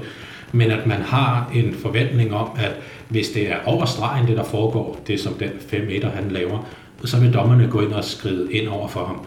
Hvis de ikke har gjort det, så er det fordi dommerne synes, det, det var okay, det han gjorde. Det var i hvert fald ikke nok til at få en to minutters udvisning. Så kan vi godt lige køre lidt til ham, når han kommer herned og prøver at lave et rullepres, så får han lige 10% oveni, måske kun 5% oveni, hvad den anden fløj han egentlig får, fordi han har ikke gjort sig bemærket endnu i hvert fald. At der har man så en forventning om, jamen dommerne siger sikkert også til mig, hvis de synes, det er overstregen. Ja, det er der ingen øh, tvivl. Der er jo nogle gange, hvor øh, man som spiller jo ikke altid synes, at retfærdigheden sker fyldest i det, der lige er sket. Øhm, og nogle gange så ved man det også godt, at hvis jeg har lavet en, der måske har været lige over stregen, uden at blive straffet for det af ham i sort, at så skal jeg måske lige holde lidt lav profil til næste par angreb i den anden ende, fordi jeg ved godt, at jeg står til en tur i canvasen, ikke? Øhm, for at sige det populært. Øh, jeg ved godt, at, at, at der bliver ikke bare almindeligt øh, skubbet videre, øh, hvis jeg laver en overgang lige om lidt. Så ved jeg godt, at, øh, at der kommer et, lille nyrehug, eller hvad vi efterhånden kan finde på at lave af små øh, skavnstreger. Øhm, og det er den her sorte bog, jeg snakker om, hvor at, at det er alle de her gråzone ting, der kører på grænsen mellem at blive sanktioneret eller ikke sanktioneret af dem i sort. Øhm, og nogle gange, selvom tingene er blevet sanktioneret, øh, så bliver de måske ikke nødvendigvis glemt. Så kan det godt være, at man senere hen i kampen, hvor det måske er afgjort, vælger at sige, jeg ved godt, det jeg kommer til at gøre det, det koster mig to minutter, men vi skal møde dem igen på et tidspunkt, så det er bare rigtig vigtigt, at vi får udlignet den her, eller vi kommer foran på den her bog. Ja. Øh, og så, så ved alle ligesom godt, at, at okay, vi fører med 6, og der er to minutter igen. Der kommer nok lige en, en lille sviner. Usportsligt, hammerende usportsligt. Intet med vindermentalitet at gøre, men der er bare den her, den, den her sorte bog, som, som ikke er så udtalt, øh, og som dommerne ikke har en chance for at følge med i, øh, fordi den ligger meget inde mellem spillerne. Øh, det, det, det er en hårfin balance. Ja. Og som udgangspunkt kan man også sige, øh, jeg har meget sjældent som dommer oplevet, at denne her, det her regnskab, der nogle gange er, at det går langt over stregen. Det, det, det har jeg personligt meget sjældent oplevet, mm. fordi det plejer at være inden for de her, okay, to minutters udvisning, så ved vi, at nu er vi på grænsen. Ikke? Jo. Og så stopper man som spiller selv, Ja. fordi man har heller ikke lyst til, den næste sanktion er jo en diskvalifikation, Ja. og så kan man jo i hvert fald ikke rigtig hjælpe sin holdkammerat. Så der er et eller andet sted deromkring, hvor man stopper som spiller. Ja, enig. Og man kommer ikke til at kunne fjerne det der fra sporten overhovedet, fordi så længe det er mennesker, som der, der spiller, så vil man have de her små regnskab hister her. Mm. Både med negativt fortegn, som nu er det der, der er lige lidt ekstra her, og okay, han var også lidt sen i den sidste kamp med ja. et par taklinger. Mm. Vi sætter lige skabet, hvor det skal stå her de første 10 minutter på ham. Ja. Øh, og som udgangspunkt er det jo også fint. Det er jo grunden til, at man har to personer i sort mm. med gule kort og røde kort, og i nogle rækker også blå kort, og så flagrende fingre for resten i øvrigt. Ja. Der har man de her folk, som der skal gå ind og sige, det her, det er ikke ok at gøre. Det her, det er langt over stregen. Det her, det er lidt over stregen. Og så ender man som regel et eller andet sted i midten, hvor, øh, okay, der var en i sidste kamp, så giver jeg ham lige to, så jeg lige har overtaget en gang. Ja. Når man så kommer til dem i næste sæson, så får man to, fordi det kan han godt huske, og Ja. det kan du godt huske, at han godt ved. Ja. Så er han på tre, jamen, så er jeg jo nødt til at give ham to, fordi jeg skal da være foran. Ja. Og så kører det der spil der igen og igen. Mm. Som dommer, nu sidder jeg så og siger, at det er ok, men det er ok til den grænse, at dommerne på dagen siger, det her det er fint, det her det er ikke fint. Har du nogensinde prøvet en dommer, der opfangede det der i løbet af kampen og sagde, stop det der? Ja, det har jeg. Altså, jeg vil sige, at, at det, er jo, det er jo... Man føler sgu næsten med de dommer, der skulle ud og have en, øh, måske endda for første gang, øh, og vi har mødt det samme hold fire gange, ikke? Fordi de har jo ikke en kina med chance for at kende til regnskabet øh, på nogen måde, hverken den ene eller den anden vej. Så, øh, så de dommer kan godt have det rigtig svært i starten af kampen, hvis der lige er et eller andet, der skal udlignes rigtig hurtigt. Øh, vi havde blandt andet engang en modstanderhold, der havde en træner, der var, der var noget af det mest forfærdelige, jeg længe har oplevet. Der vil jeg da sige, der offrede vi da et angreb på at lave en bak-bak-aflevering, som vores ene bak ikke greb, fordi så ramte den træneren i hovedet. Øh, men, men forstået på den måde, at, at jeg tror, at man som, som dommer har du væsentligt nemmere ved at følge med i det her interne regnskab i minut 48, end du har i minut 8. Ja, Fordi at hvis du som den observante dommer ved, du spotter du ret hurtigt, hvilke spillere er meget i clinch med hinanden, og det er jo som regel der, at de her interne regnskaber, de opstår. Ja. Øh, Så vi ved jo godt, at, at når hvis den ene venstre bak bryder rigtig meget ind over midten, jamen så er det sgu nok de to øh, midter, eller de to træer derinde, som, som er dem, der går op og støder på, som får det interne regnskab, sammen med stregspilleren i øvrigt. Øh, Så er det sgu nok de her 4-5 spillere, der, der har det største regnskab kørende. Det er nok ikke så meget øh, de to fløje, som i øvrigt aldrig bliver brugt i, i angrebsspillet, fordi de har øh, 3, øh, 2 meter og 10 mænd øh, ude i bagkæden. Ikke? Så, så, så det udvikler sig selvfølgelig også det, det, jeg kan godt genkende til det, det der med, at som dommer, hvis man har bare et hold, men nogle gange også to hold, man ikke har haft før, så føler man lidt, at man kommer ind halvvejs i en film, og ikke rigtig ved, hvad der er gået forud for det. Især hvis det så er to hold, der kender hinanden rigtig godt. Og der øh, passer det jo som regel som dommer, at når man en sjældent gang har, i hvert fald på divisionsniveau, hold man ikke har haft før, så er det også den dag, hvor man har en bedømmer på. Ja, det hænger så sikkert sammen, kunne jeg forestille mig. Det, det, det gør det for uroligende ofte, at, at, at, at man så har bedømmer på den dag, og derfor ikke har mulighed for at dømme så godt, som man kan i nogle kampe, hvor man måske kender spillerne lidt bedre. Den anden vej, hvis jeg så prøver at tage en, en spillers synspunkt på, så kommer der jo også to dommere ud, som man er forholdsvis sikker på, okay, vi kunne ikke genkende deres navne på papir. Mm. Nu ser vi på dem, vi kan overhovedet ikke genkende dem. Mm. Nå, men drenge, vi kører bare det der regnskab der, fordi mm. de der to bøger der, de har overhovedet ikke mulighed for at finde ud af, hvad der er, der foregår. Mm. Er det sådan, det fungerer? Eller er det bare sådan lidt mere ubevidst i Jeg vil sige, jeg vil sige, regnskabet, som jeg vælger at kalde det nu, ja. Ja. den sorte bog, er jo ikke, det er jo ikke en, vi i tale sætter sådan. Altså det er ikke, det er vidderligt ikke en, vi går sådan og, og snakker om til træning eller noget. Det er egentlig noget, der opstår i nuet mange gange. Så er det klart, at de her spillere, vi har mødt rigtig mange gange, der, der ligger bare noget underbevidst. Øh, Det igen, vi snakker ikke om det på taktikmødet og siger, at oh, det er dem, der har ham venstre bakken, han skal, han skal bare have nogle tæsk.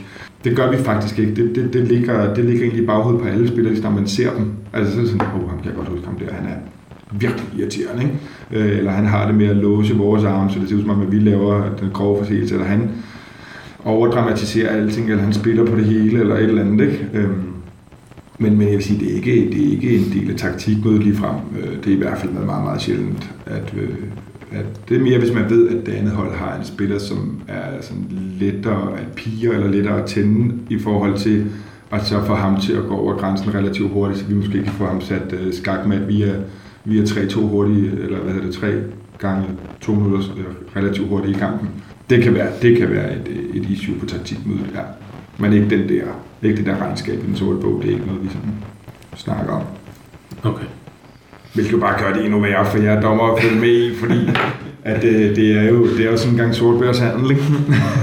jo, altså jeg vil sige, som dommer, så kommer jeg også ud nogle gange og godt ved, her er der taler om to lokale hold fra Nordvestjylland, eller hvor det, det kan også være alle mulige andre steder, men senest jeg prøvede det, det var to hold fra Nordvestjylland, som mødte hinanden, og hvor jeg godt vidste, nu skal jeg ind og danse med nogen, der har danset i i, i mange år sammen, uden at jeg har været med i det. Og derfor kommer der til at skulle foregå en masse ting, som jeg ikke har noget som helst med at gøre. Ja. Og som jeg ikke har nogen mulighed for at vide. Det er de der to, der plejer at køre på hinanden, eller sådan noget den stil. Der er jo selvfølgelig det fysiske, der foregår, de her taklinger, der får lidt ekstra på grund af det her regnskab i den sorte bog. Men der er så også i kampen sidde de her små verbale ting, hvor man siger, åh, rejs dig nu op, eller så var det vist heller ikke mere, eller skal du have en tudekiks, mm. eller de her små ting her som dommer, så min umiddelbare tanke det er, hvis der er et eller andet, man er utilfreds med, så skal man ikke snakke med hinanden om det, mm. fordi så tænder det fuldstændig af og kan køre helt over gevind. Mm. Men man skal snakke med mig om det, fordi jeg er der jo for en grund. Med en spillers briller på, vil du så sige, at det er bedst, selvfølgelig, vi udlader igen de her, der er åbenlyse af overstregen, som fuck dig, det er et svin, mm, og de her mm. ting her, fordi mm. det er åbenlyst overstregen. Mm. Men alle de her små bemærkninger, der kommer i løbet af kampen, som spiller, vil man i virkeligheden helst have, at dommeren blander sig lidt udenom det, eller vil man gerne have, at han er lidt med på sidelinjen og måske kommenterer med på det, eller han på et tidspunkt går ind og siger, prøv at høre, 4 og 5, nu skal I stoppe med det der. Øhm, jeg vil sige, det er en, det er en trinvis raket, øh, forstået på den måde, at som vi selv har, eller som du selv har nævnt, at, at du, kan, du kan være uheldig at komme ud, og det er første gang, du måske har de her to hold, og de har spillet mod hinanden i 40 år, øh, og der har altid været kniv på, eller krig på kniven. Øh, du har ikke en jordisk chance for at vide, hvad der foregår internt. Der kan man godt som spiller nogle gange øh, ikke indse, at dommeren er til stede. Forstået på den måde, at, at, at at jeg ved sgu ham der, han spiller lidt på hvis jeg sætter en takke på ham, så jeg kan også rejse nu op, øh, eller som du selv siger, et eller andet. Der kan komme de her korte. Og jeg vil sige, så længe de kører på det niveau, så har man egentlig ikke, synes jeg, som spiller brug for dommeren, fordi det er ligesom det er ligesom en kamp i kamp, eller det er en del af spillet, det er ligesom det, der er med til at holde tændings, øh, tændingsniveauet på det. Men det er klart, at, at dommeren skal heller ikke være i tvivl om, at, at vi godt ved, indbyrdes, hvornår at tingene går over stregen. Og der vil vi med det samme minde som at sige, nu må du fandme skride til, til handling. Så, så sådan en dommer, der kan, der kan lytte til alt, hvad der foregår i virkeligheden, men som også ved, at i starten skal jeg måske ikke blande mig ret meget, men jeg skal med være klar til, når den lige får en tur mere rundt i vredemaskinen, øh, det der kommer ud, der er det så, at, at, at så er vi jo stadig godt bevidste om, at der er en dommer, og der kan vi måske det kan godt være lidt en kamp om at, at, at få piret hinanden til, hvem, hvem siger først noget, der er rigtig forkert, fordi så er det jo ham, der bliver straffet, og ikke mig. Så dommerens rolle, det er rigtig vigtigt, med at sige, som i starten, mindre at det er de her helt kralde tilfælde, så tror ja. jeg egentlig, at, at de fleste spillere har det godt i situationstegn med, at de lige kan få lov at, at klemme noget gennem sidebenene til hinanden. Øhm. Og, og det er virkelig det her med, lad os sige, at du har et dommerpar for tredje eller fjerde gang, og derfor godt kender dem lidt, men måske ikke kender dem sådan helt endnu.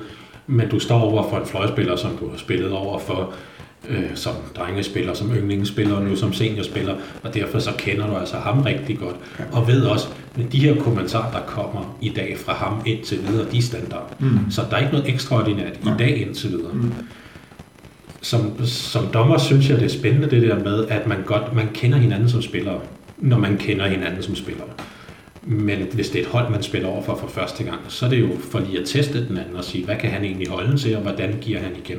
Ja. Så der foregår alle de her små ting i løbet af kampen. Mm. Og så er der jo et tredje specielt folkefærd, der står ude på sidelinjen, som hedder træneren, Ja. som kører deres helt eget show igen, med deres helt egen dagsorden og retorik osv. Har du prøvet, at, at en dommer henvender sig til dig som spiller, og for eksempel siger, hvad, hvad foregår der mellem jer to i dag, og er det ekstraordinært i forhold til, hvad det plejer at være? Altså i forhold til min direkte modstander, eller i forhold til træneren, eller min egen træner? Eller Øh, øh, dig og din, din modstander, altså måske ikke din direkte modstander, men bare generelt min modstander spiller, Ja. ja. Øh, ikke lige sådan på den måde, jeg har haft dommer, der har sagt, skulle vi nu ikke lige finde kammertonen igen her, gutter, eller, eller hvad pokker. Øh, men jeg vil sige, at, at, at uden at jeg skal, jeg har jo ikke set det udefra, kan man sige på den måde sådan rigtigt, men, men, men og lidt har jeg alligevel, at, at jeg tror ikke, man som dommer er i tvivl om, hvornår at det her det er inden for det, vi kalder normalen. Altså, det plejer vi lidt at sige til hinanden, agtigt, i forhold til, hvornår det skrider over grænsen. For jeg tror, at kropssproget bliver væsentligt anderledes, når, når den ene af parterne træder over. Og der begynder det jo som regel også at udmynde sig i, at taklingerne bliver lige 5 gram hårdere og sådan nogle ting, fordi at, at, at nu er vi altså ved at være det hvor at nu er elastikken så spændt, som den ikke har været før, selvom Ja. vi måske har spillet mod hinanden 15 gange. Ikke? Ja. Øhm, eller så i 10 år, fordi man er samme årgang og har været i hver sin klub. Ikke? Men, men, men den, det, det har mere været sådan en, en, en tovejs ting, hvor man egentlig er blevet samlet og sagt, gutter øh, spiller håndbold, eller spiller håndbold ikke i dag. Øhm, i får lige lov at vælge selv, ikke?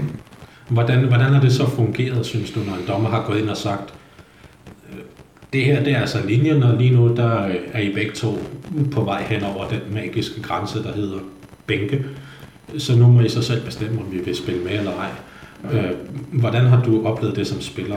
Mm. Jeg Jeg har oplevet det vidt forskelligt, og det er jo nok et udslag af, at det har været vidt forskelligt, øh, hvornår i processen den her kommentar er kommet fra dommeren, eller den her irettesættelse er kommet fra dommeren.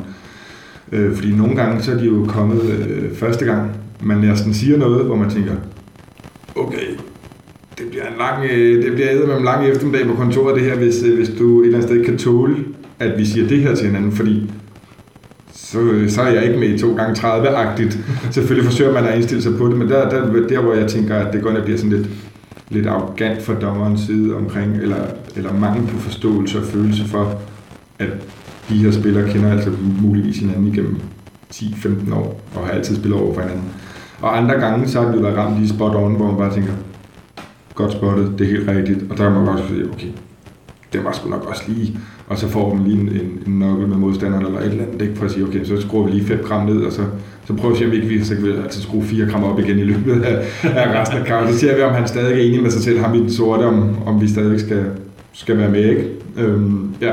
Og så er vi ude i det her igen, at det handler ikke så meget om præcis, hvad dommeren siger ordret, og præcis, hvad hans kropssprog er. Det handler om timingen, hvor han gør det. Ja, timing er øh, sindssygt vigtig i, hvornår det her det foregår, fordi som sagt, hvis det foregår efter halvandet minut, så kan jeg godt tænke, øh, og det ved jeg ikke, at den eneste, der tænker, så tænker jeg, okay, han er godt nok nærtagende ham der, det bliver, og så, og så er det uanset, hvor godt han dømmer rent faktuelt resten af kampen, fordi så, vil han, så, så bliver det bare for alle parter en, en, en lang kamp i det her.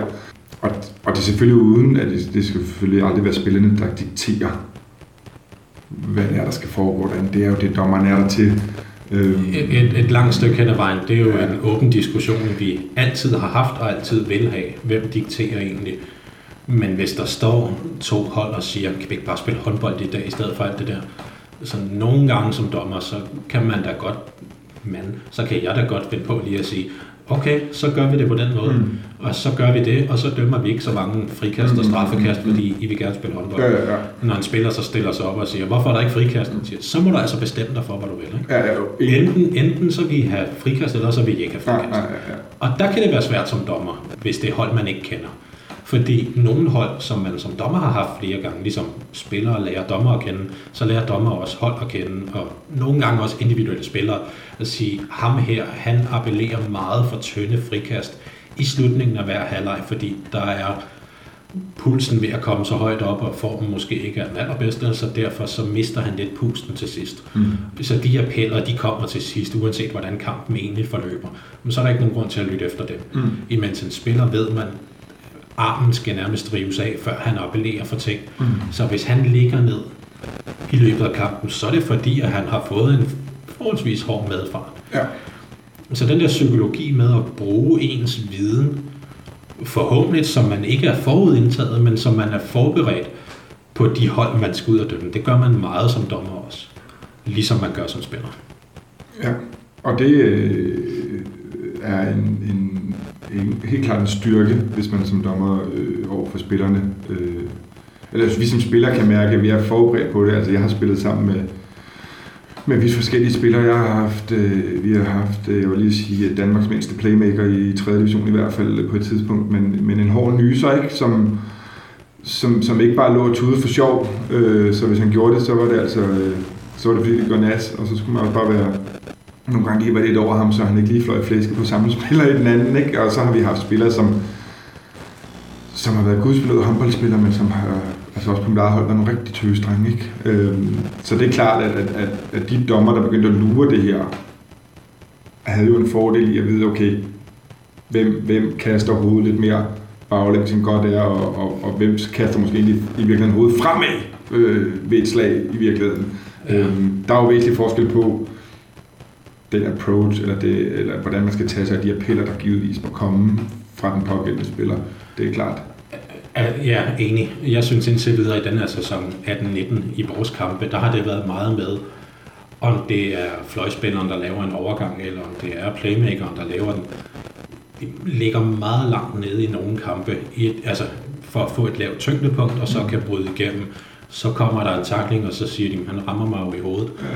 Ja, der gælder det om, synes jeg, som dommer at tage forsvarsspillerens briller på og sige, det er så svært at dække op, når du ligger nede i hoftehøjdemester. I hvert fald uden at ramme dit ansigt. Ja.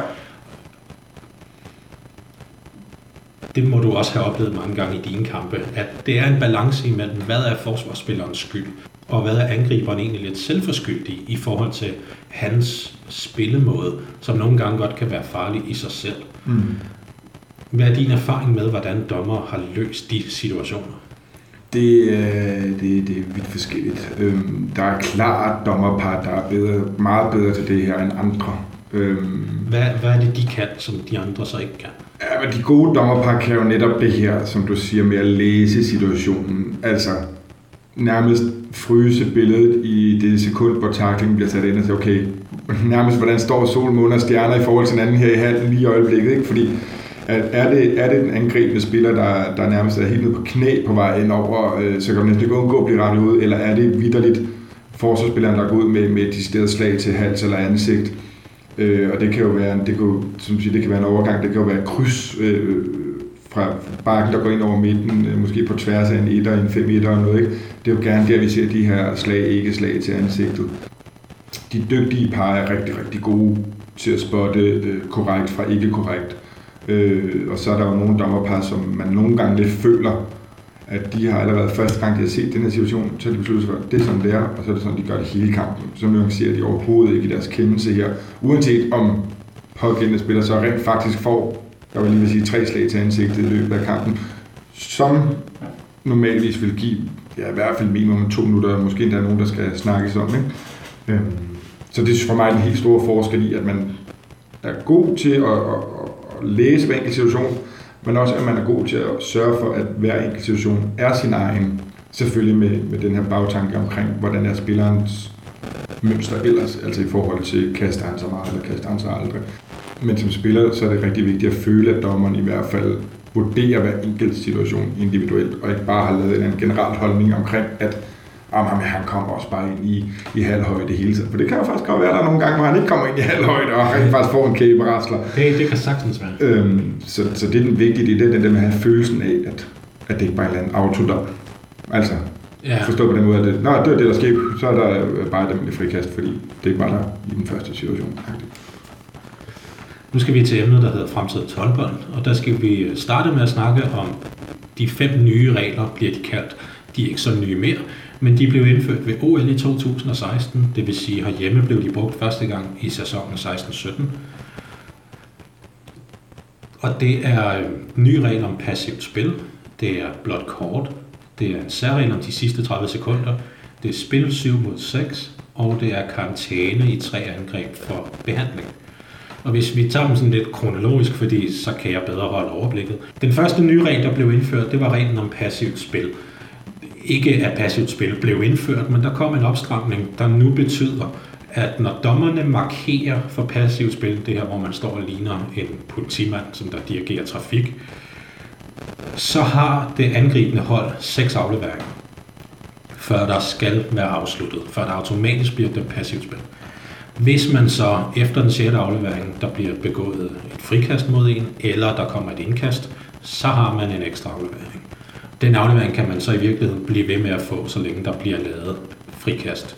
Man kan også godt dømme passivt spil før de seks afleveringer, fordi det hedder max seks afleveringer. Hvad synes du som seer, som fan af den regel, der blev tilført der? Altså, jeg er øh, som udgangspunkt positivt stemt omkring det. Øh, alene fordi det bliver mere øh, simpelt som spiller, som tv-serie, som håndboldfan, øh, bliver det mere øh, simpelt at følge med i den her passive spil øh, regel, øh, som jo tidligere var sådan meget flydende i forhold til at være målsøgende og ikke målsøgende. Her har vi jo noget helt faktuelt at forholde os til og sige, gutter og gudinder, vi har maks 6 afleveringer, øh, så, så ved vi godt, at så står den på retur. Øhm, så på den måde er det jo en klar simplificering af en, en til tider meget omdiskuteret regel, som jo i virkeligheden jo også har kunne få trænere helt op i det røde felt, øh, begge veje i øvrigt. Øhm, så det her tror jeg, man har gjort håndboldspillet en tjeneste, øhm, og dommerne en tjeneste i at sige, det her det er meget simpelt, det er sort på hvidt, vi har et antal afleveringer, det er det, vi bare skal kunne tælle til seks. Som dommer er jeg 100% enig. Det har gjort det meget nemmere. I virkeligheden nok den bedste tilføjelse, jeg synes, der kom med de fem nye regler. Det var simpelthen at gøre det så nemt som overhovedet muligt med hensyn til passivt spil. Det synes jeg er en kæmpe fordel, og det synes jeg stadig det er. Nu begynder holdene og spillerne selv at kunne mærke den der dynamik omkring, okay, nu er det fire afleveringer tilbage, mm. så kan vi køre det her oplæg, eller det her indspil, eller whatever. Og der er meget mindre brok. Når de rammer den syvende aflevering, så dømmer vi passivt spil. Mm. Og der er ikke noget med, ej, det kan du ikke mene, og vi var der målsøgende. Ja, men det var den syvende. Ja, ja okay, fair nok. Ja. Nummer to, det var kort.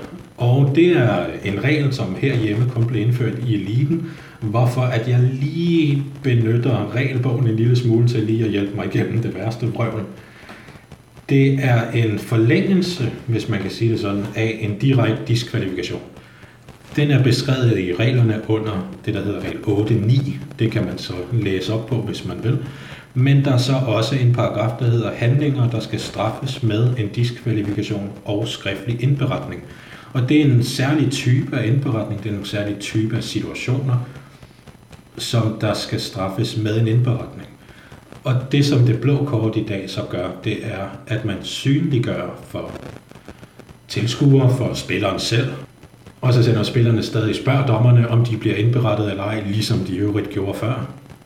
Så betyder det blå kort nu, at situationen skal kigges igennem på tv-billeder, hvis de er til rådighed, og så kommer der muligvis en indberetning. Du fortalte mig, før vi startede på det her, at det var den, du havde mindst kendskab til af de her nye regler her. Hvad synes du om den sådan i teorien? Det er jo ikke en, der benyttes særlig oftest, særlig ofte, for nu at sige det mildt. Men hvad er dine tanker om det? Altså, øh, i praksis øh, og teoretisk, så er det for mig at se en, en lidt ligegyldig regelændring. Øh, det ændrer ikke spor for mig som hverken spiller, øh, som fan, som tv-serie.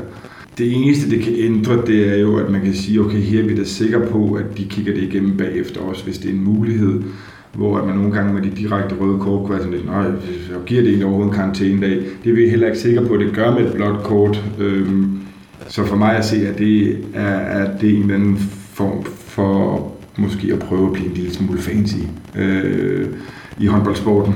Øhm, og den er ikke noget, der er sådan umiddelbart tilbringer værdi, eller øh, tilvejebringer værdi for, for den almene håndboldinteresserede serie. Det tror jeg simpelthen ikke på et langt stykke hen ad vejen tror jeg, du har ret. Som dommer og som nørd på mit område, der er jeg sådan lidt uenig med dig. Fordi jeg, når jeg sidder og ser en kamp, og der så kommer en takning, og de ender på et rødt kort, så sidder jeg sådan lidt nysgerrig og siger, giver de den for paragraf 8.9 eller 8.10? Det kan jeg jo så se ved, at det blå kort kommer. Og det er jo ikke, fordi det gør en forskel i kampen. Taklingen er den samme, straffen er det samme, som den var før. Det er gjort lidt synligt, og det er som med dit ord sådan lidt fancy nu, at der er mulighed for, der er ligesom et ekstra spændingsmoment, kommer der også et blåt kort. Og det er mere sådan, jeg har oplevet det sådan, at det er mere den der, når jeg har siddet og set håndbold med, med andre, og så der kommer et rødt kort, så det er den der, der er lige 5-6 sekunders ekstra spænding med, kommer der så også et blåt kort på. Øh, jeg synes, det er fint, det er der. Jeg tror sagtens, man kunne være det.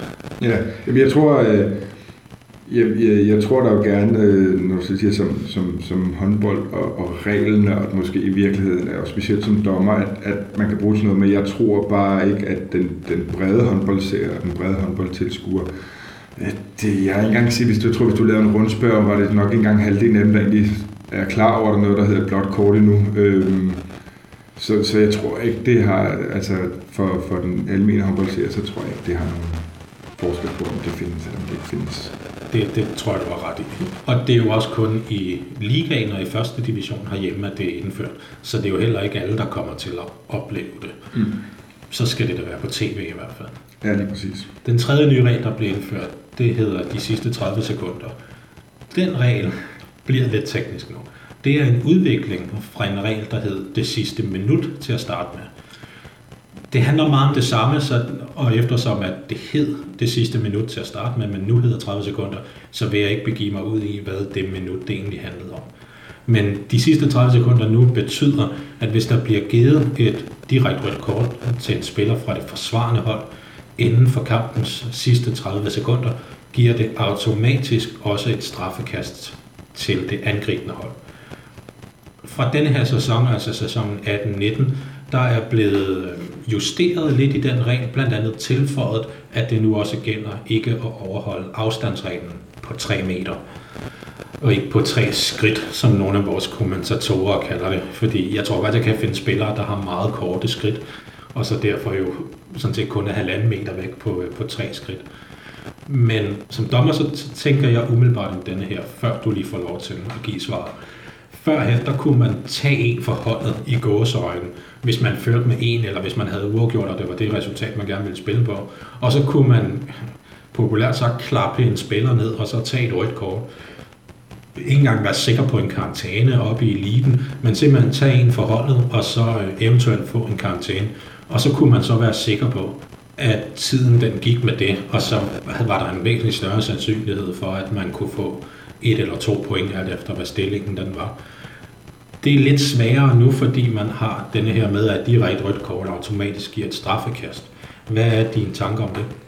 Jamen, jeg er jo... Øh, øh, som, altså sportsmanden i mig er jo ekstremt øh, glad for den her regel. Jeg synes jo, at det, øh, og det er ikke for at sige, at vi ikke selv har brugt den, fordi det har vi selvfølgelig, når reglerne har været, som de har været, men jeg synes jo, at det er klart det mest fair, at det, det må aldrig i min bog kunne betale sig at gå ud og tage et bevidst rødt kort. Øh, vi har jo set altså mange grimme eksempler på øh, nærmest decideret overfald af, af en angribende spiller, øh, fordi man så vidste, at det gav et, et frikast midt på banehalvdelen, ikke? Og, og så havde de fire sekunder tilbage til at få det afviklet. Det, det skulle vi nok kunne klare. Ikke? Øhm, så jeg er stor fan af den her set ud fra det sportslige perspektiv. Øhm, og jeg kan på intet tidspunkt komme med et argument for, hvorfor at reglen ikke skulle være her. Jeg vil bare stille spørgsmål om, hvorfor man ikke har gjort det noget før, for jeg synes, man har set så, så rigeligt med tilfælde af, hvor Altså som du siger, det her med, at man tager en forholdet ud og klapper en ned, og nogle gange kan man jo faktisk sågar være så heldig og så slippe med to minutter. Øh, øh, så, så, så jo, stor fan øh, af den regel. Og jeg er 100% enig, og jeg kan ikke rigtig tilføje andet end, at ud af de fem, der er det min favorit af dem, som jeg synes er absolut mest relevant for simpelthen at få det spil ned. Fordi selv ned i vores rækker, altså i 3. division, der og også længere nede, der, der var det helt almindeligt gængs spil, at man tog en forholdet, og så tog et rødt kort. Og det kan man i hvert fald ikke mere med samme effekt. At nu har det faktisk effekt, fordi modstanderne automatisk får et straffekast. Ja. Synes du så lige som et hurtigt tillægsspørgsmål, at de 30 sekunder er passende i forhold til det ene minut, som det var i starten?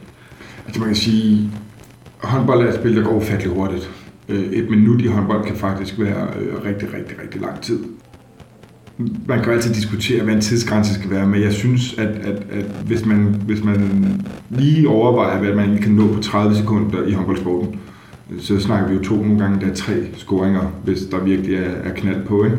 Mm-hmm. Så jeg synes egentlig, det er et meget passende leje, fordi et minut kan altså godt være rigtig, rigtig lang tid, og der vi kan vi kan nå både tre og fire angreb på et minut, hvis, hvis, øh, hvis holdene hele tiden er tvunget til at score og skal lave nogle hurtige afslutninger.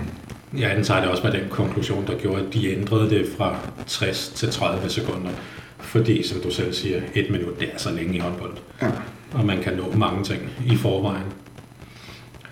Den fjerde er spil 7 mod 6, og det handler om, at man kan tage målmanden ud og sætte en ekstra markspiller ind. Det har man i princippet altid kunnet, men det som man har skulle gøre tidligere, det er, at den syvende spiller sådan set skulle være målmand, og derfor skulle have en overtrækstrøje på, hvor man kunne se nummeret, eller en decideret målmandstrøje på, og så spille med. Det behøves ikke længere, så nu kan man have en syv markspillere inde, øh, som har de samme trøjer på alle sammen, uden at nogen af dem decideret har målmandens rettigheder. Det betyder jo så også den anden vej taktisk, at ingen af dem må gå ind i feltet og agere målmand. Men at en hvilken som helst spiller af de syv så kan blive skiftet ud for målmanden, der så kommer ind på banen igen. Hvad synes du om den plan? Øh, ja, øh, jeg synes egentlig, den er, øh, jeg synes egentlig, den giver noget, noget taktisk finurlighed til, til håndboldsporten, som det er blevet ekstremt populært at spille 7 mod 6, eller, eller sågar 6 mod 6, når man er øh, en spiller i undertal. Øh, lige der, så synes jeg måske godt egentlig i virkeligheden, kan være en lille smule irriterende, fordi man lidt udvander den fordel eller ulempe, der bør være ved en, ved en to minutters udvisning. Også fordi, at holdene efterhånden er blevet så gode til at sætte nogle angrebssystemer op, hvor der er en spiller, der helt automatisk ender ude i nærmest i skødet på sin keeper, som så lynhurtigt kan komme, øh, komme på kassen. Men, men overordnet set, så vil jeg sige, at det, det, er, det er for mig en, en, en udmærket regeludvikling. Øhm, fordi det, kan, det har også nogle gange været noget pjat, det der med, at, at man så kan sætte en vest på sin venstrefløj, og så kan hun i øvrigt få lov at stille sig ind og være lige kassemand og ikke være dækket af, eller han. Øh, Endnu værre i herrehåndbold jo i virkeligheden, fordi det skyder de trods alt en lille smule hårde med alt respekt for kvinderne. Ja. Øhm, men, men at stille sig derind og, og ikke være beskyttet, øh, som, som nogle af vores keeper nogle gange er plastret ind, det, det er måske heller ikke lige optimalt, kan man sige. Øhm, så der er måske også et sikkerhedsaspekt i det. Øh, men det kan altid være en anden diskussion. Men, men jo, jeg har ikke noget imod, at reglen er blevet ændret på den måde, og jeg synes, det giver nogle finurligheder, specielt i spillet 7 mod 6, øh, som også alt andet lige giver os nogle flere mål øh, i håndbold. Ja, jeg er enig i et langt stykke hen ad vejen. Jeg synes også, det er klart mest spændende aspekt i denne her regel. Det er det her med, hvis man er fuldt hold mod fuldt hold, så har man mulighed for at lave nogle taktiske finurligheder i angrebet. Så skal man så lave det på en måde, så man ikke øh, åbner op for for nemme kontraangreb, som jeg synes er ulempen, det er det her forholdsvis kedelige i, at der bolden bare bliver kastet ned i topmål. Det, det, det synes jeg er forholdsvis kedeligt at kigge på. Selvfølgelig er det imponerende, at man kan ramme et, et mål, der er 2 gange 3 meter fra 38 meters afstand. Det, det, det kan jeg i hvert fald ikke, så det synes jeg er ret imponerende. Måske 1 ud af 20 eller sådan noget den stil. Øh, men jeg synes, det taktiske i, hvordan man bruger det i angrebet, synes jeg er ret interessant. Og så se forskellen i det, i hvordan holdene bruger det. Og så synes jeg, det mest spændende faktisk har været at se, hvor indædte modstandere der findes af reglen 7 mod 6 på eliteplan. Det er jo en regel, der kun er i eliten, det her herhjemme. Og se, at der er nogen, der hader det så meget, det synes jeg er ret spændende. Hvordan man kan hade en regelændring på den måde.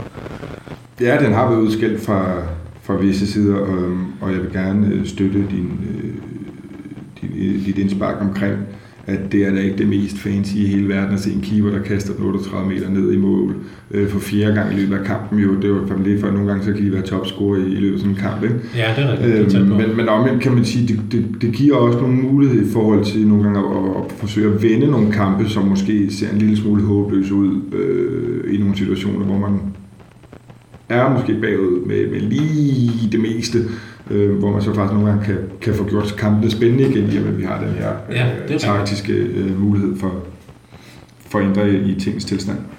Det er, det er rigtigt. Og den femte, det er også forbeholdt eliten, og det er, at hvis en angriber modtager behandling inde på banen, uden at forsvarsspillerne har fået en progressiv bestrafning, det vil sige gul kort, to minutter eller rødt kort, så har den angriber karantæne i øh, tre angreb, hvor der så godt må komme en anden spiller ind i stedet for, men den spiller må ikke komme ind i tre angreb. Før jeg siger, hvad jeg synes om det, så vil jeg lige høre, hvad synes du om den regel? Øhm, jeg vil starte med at jeg forstår godt, hvorfor den er lavet. Den, øh, hvor har man set mange gange øh, spillere ligge på banen og fingere at være kommet til skade eller fået slag, og det så udelukkende har været for at stoppe øh, en, en kontramulighed eller andet. Øhm, så set i det lys er jeg kæmpe fan af den her øh, øh, regelændring. Der, hvor det, er godt, der, det er godt, så, så synes vi da det samme. Så det, det er der, hvor den for mig øh,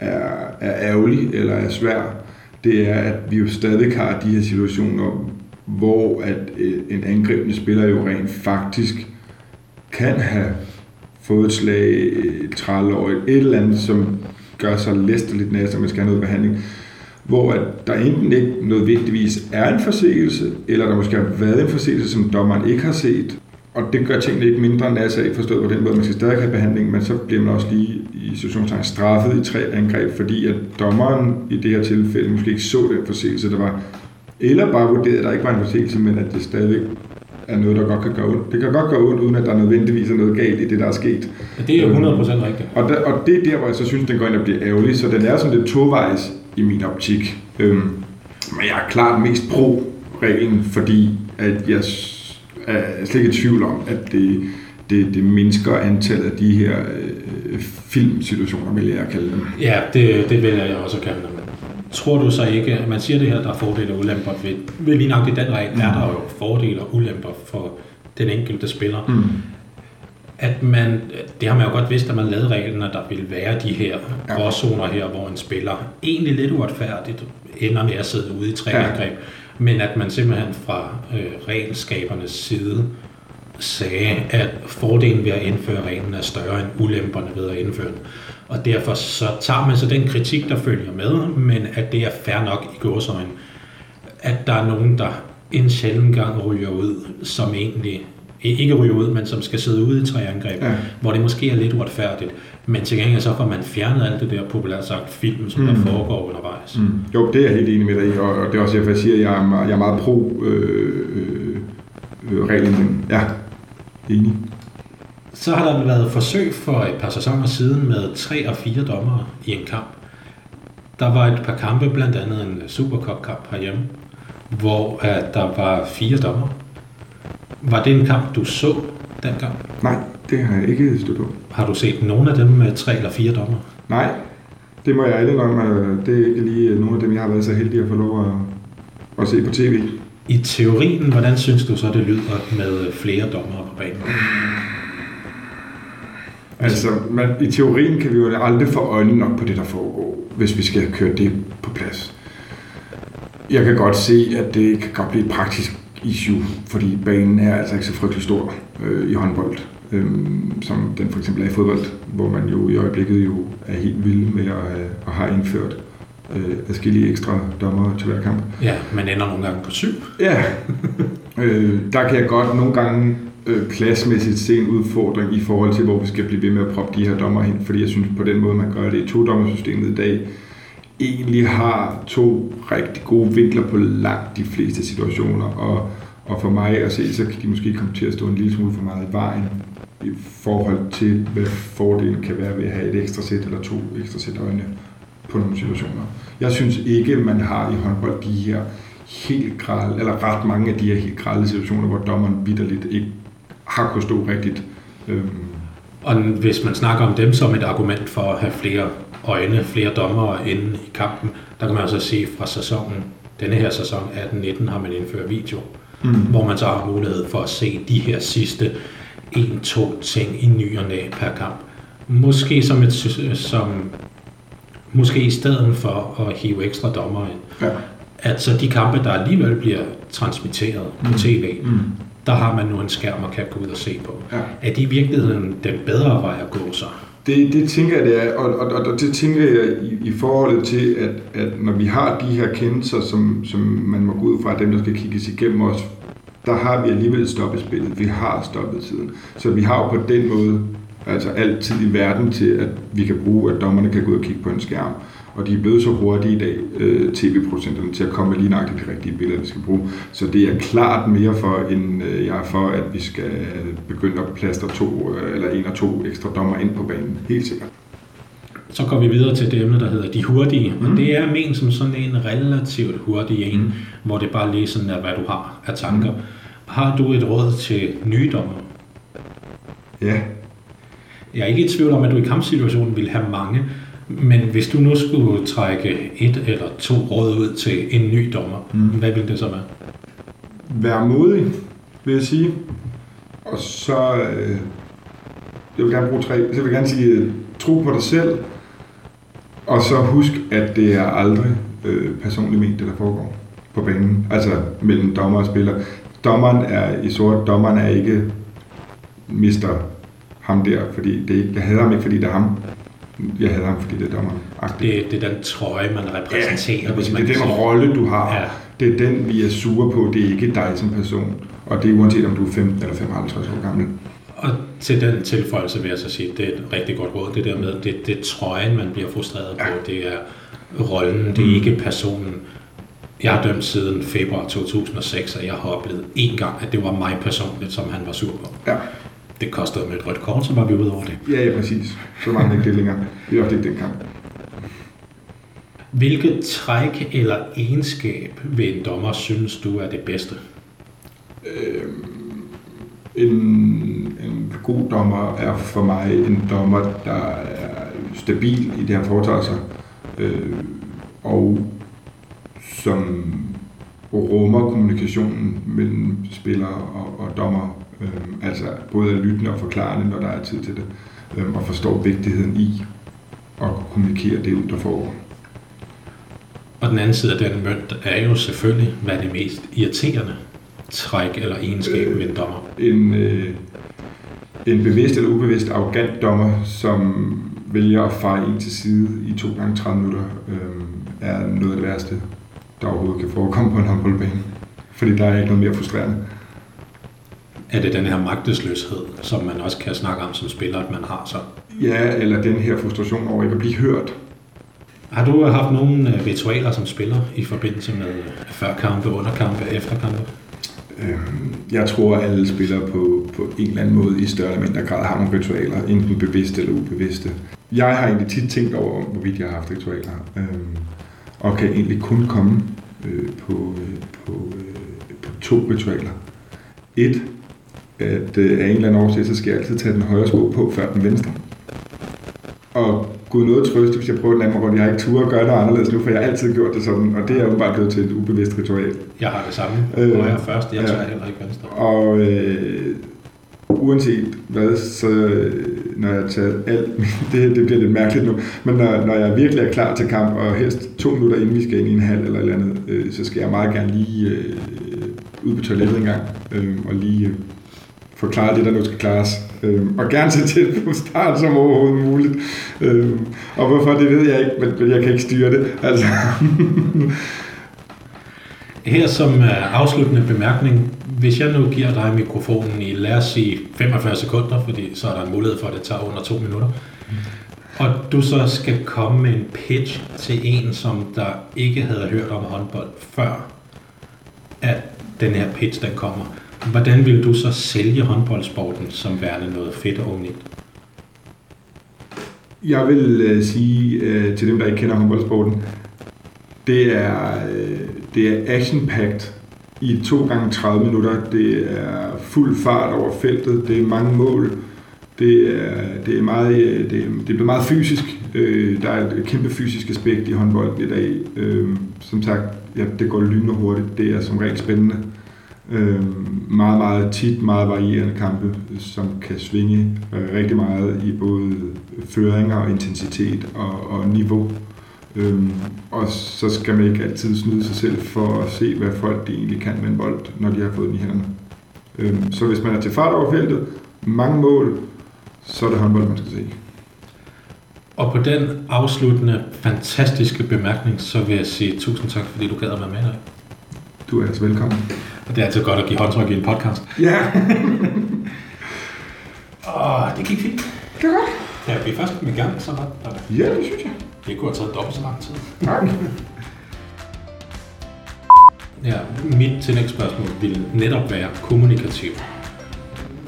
Hvor vigtigt er det, at dommerne i den situation, hvor man ligesom skal ind, det bliver noget råd. Den tager jeg altså lige på den anden måde. Det var godt. Har, du- har du mere til kommunikation?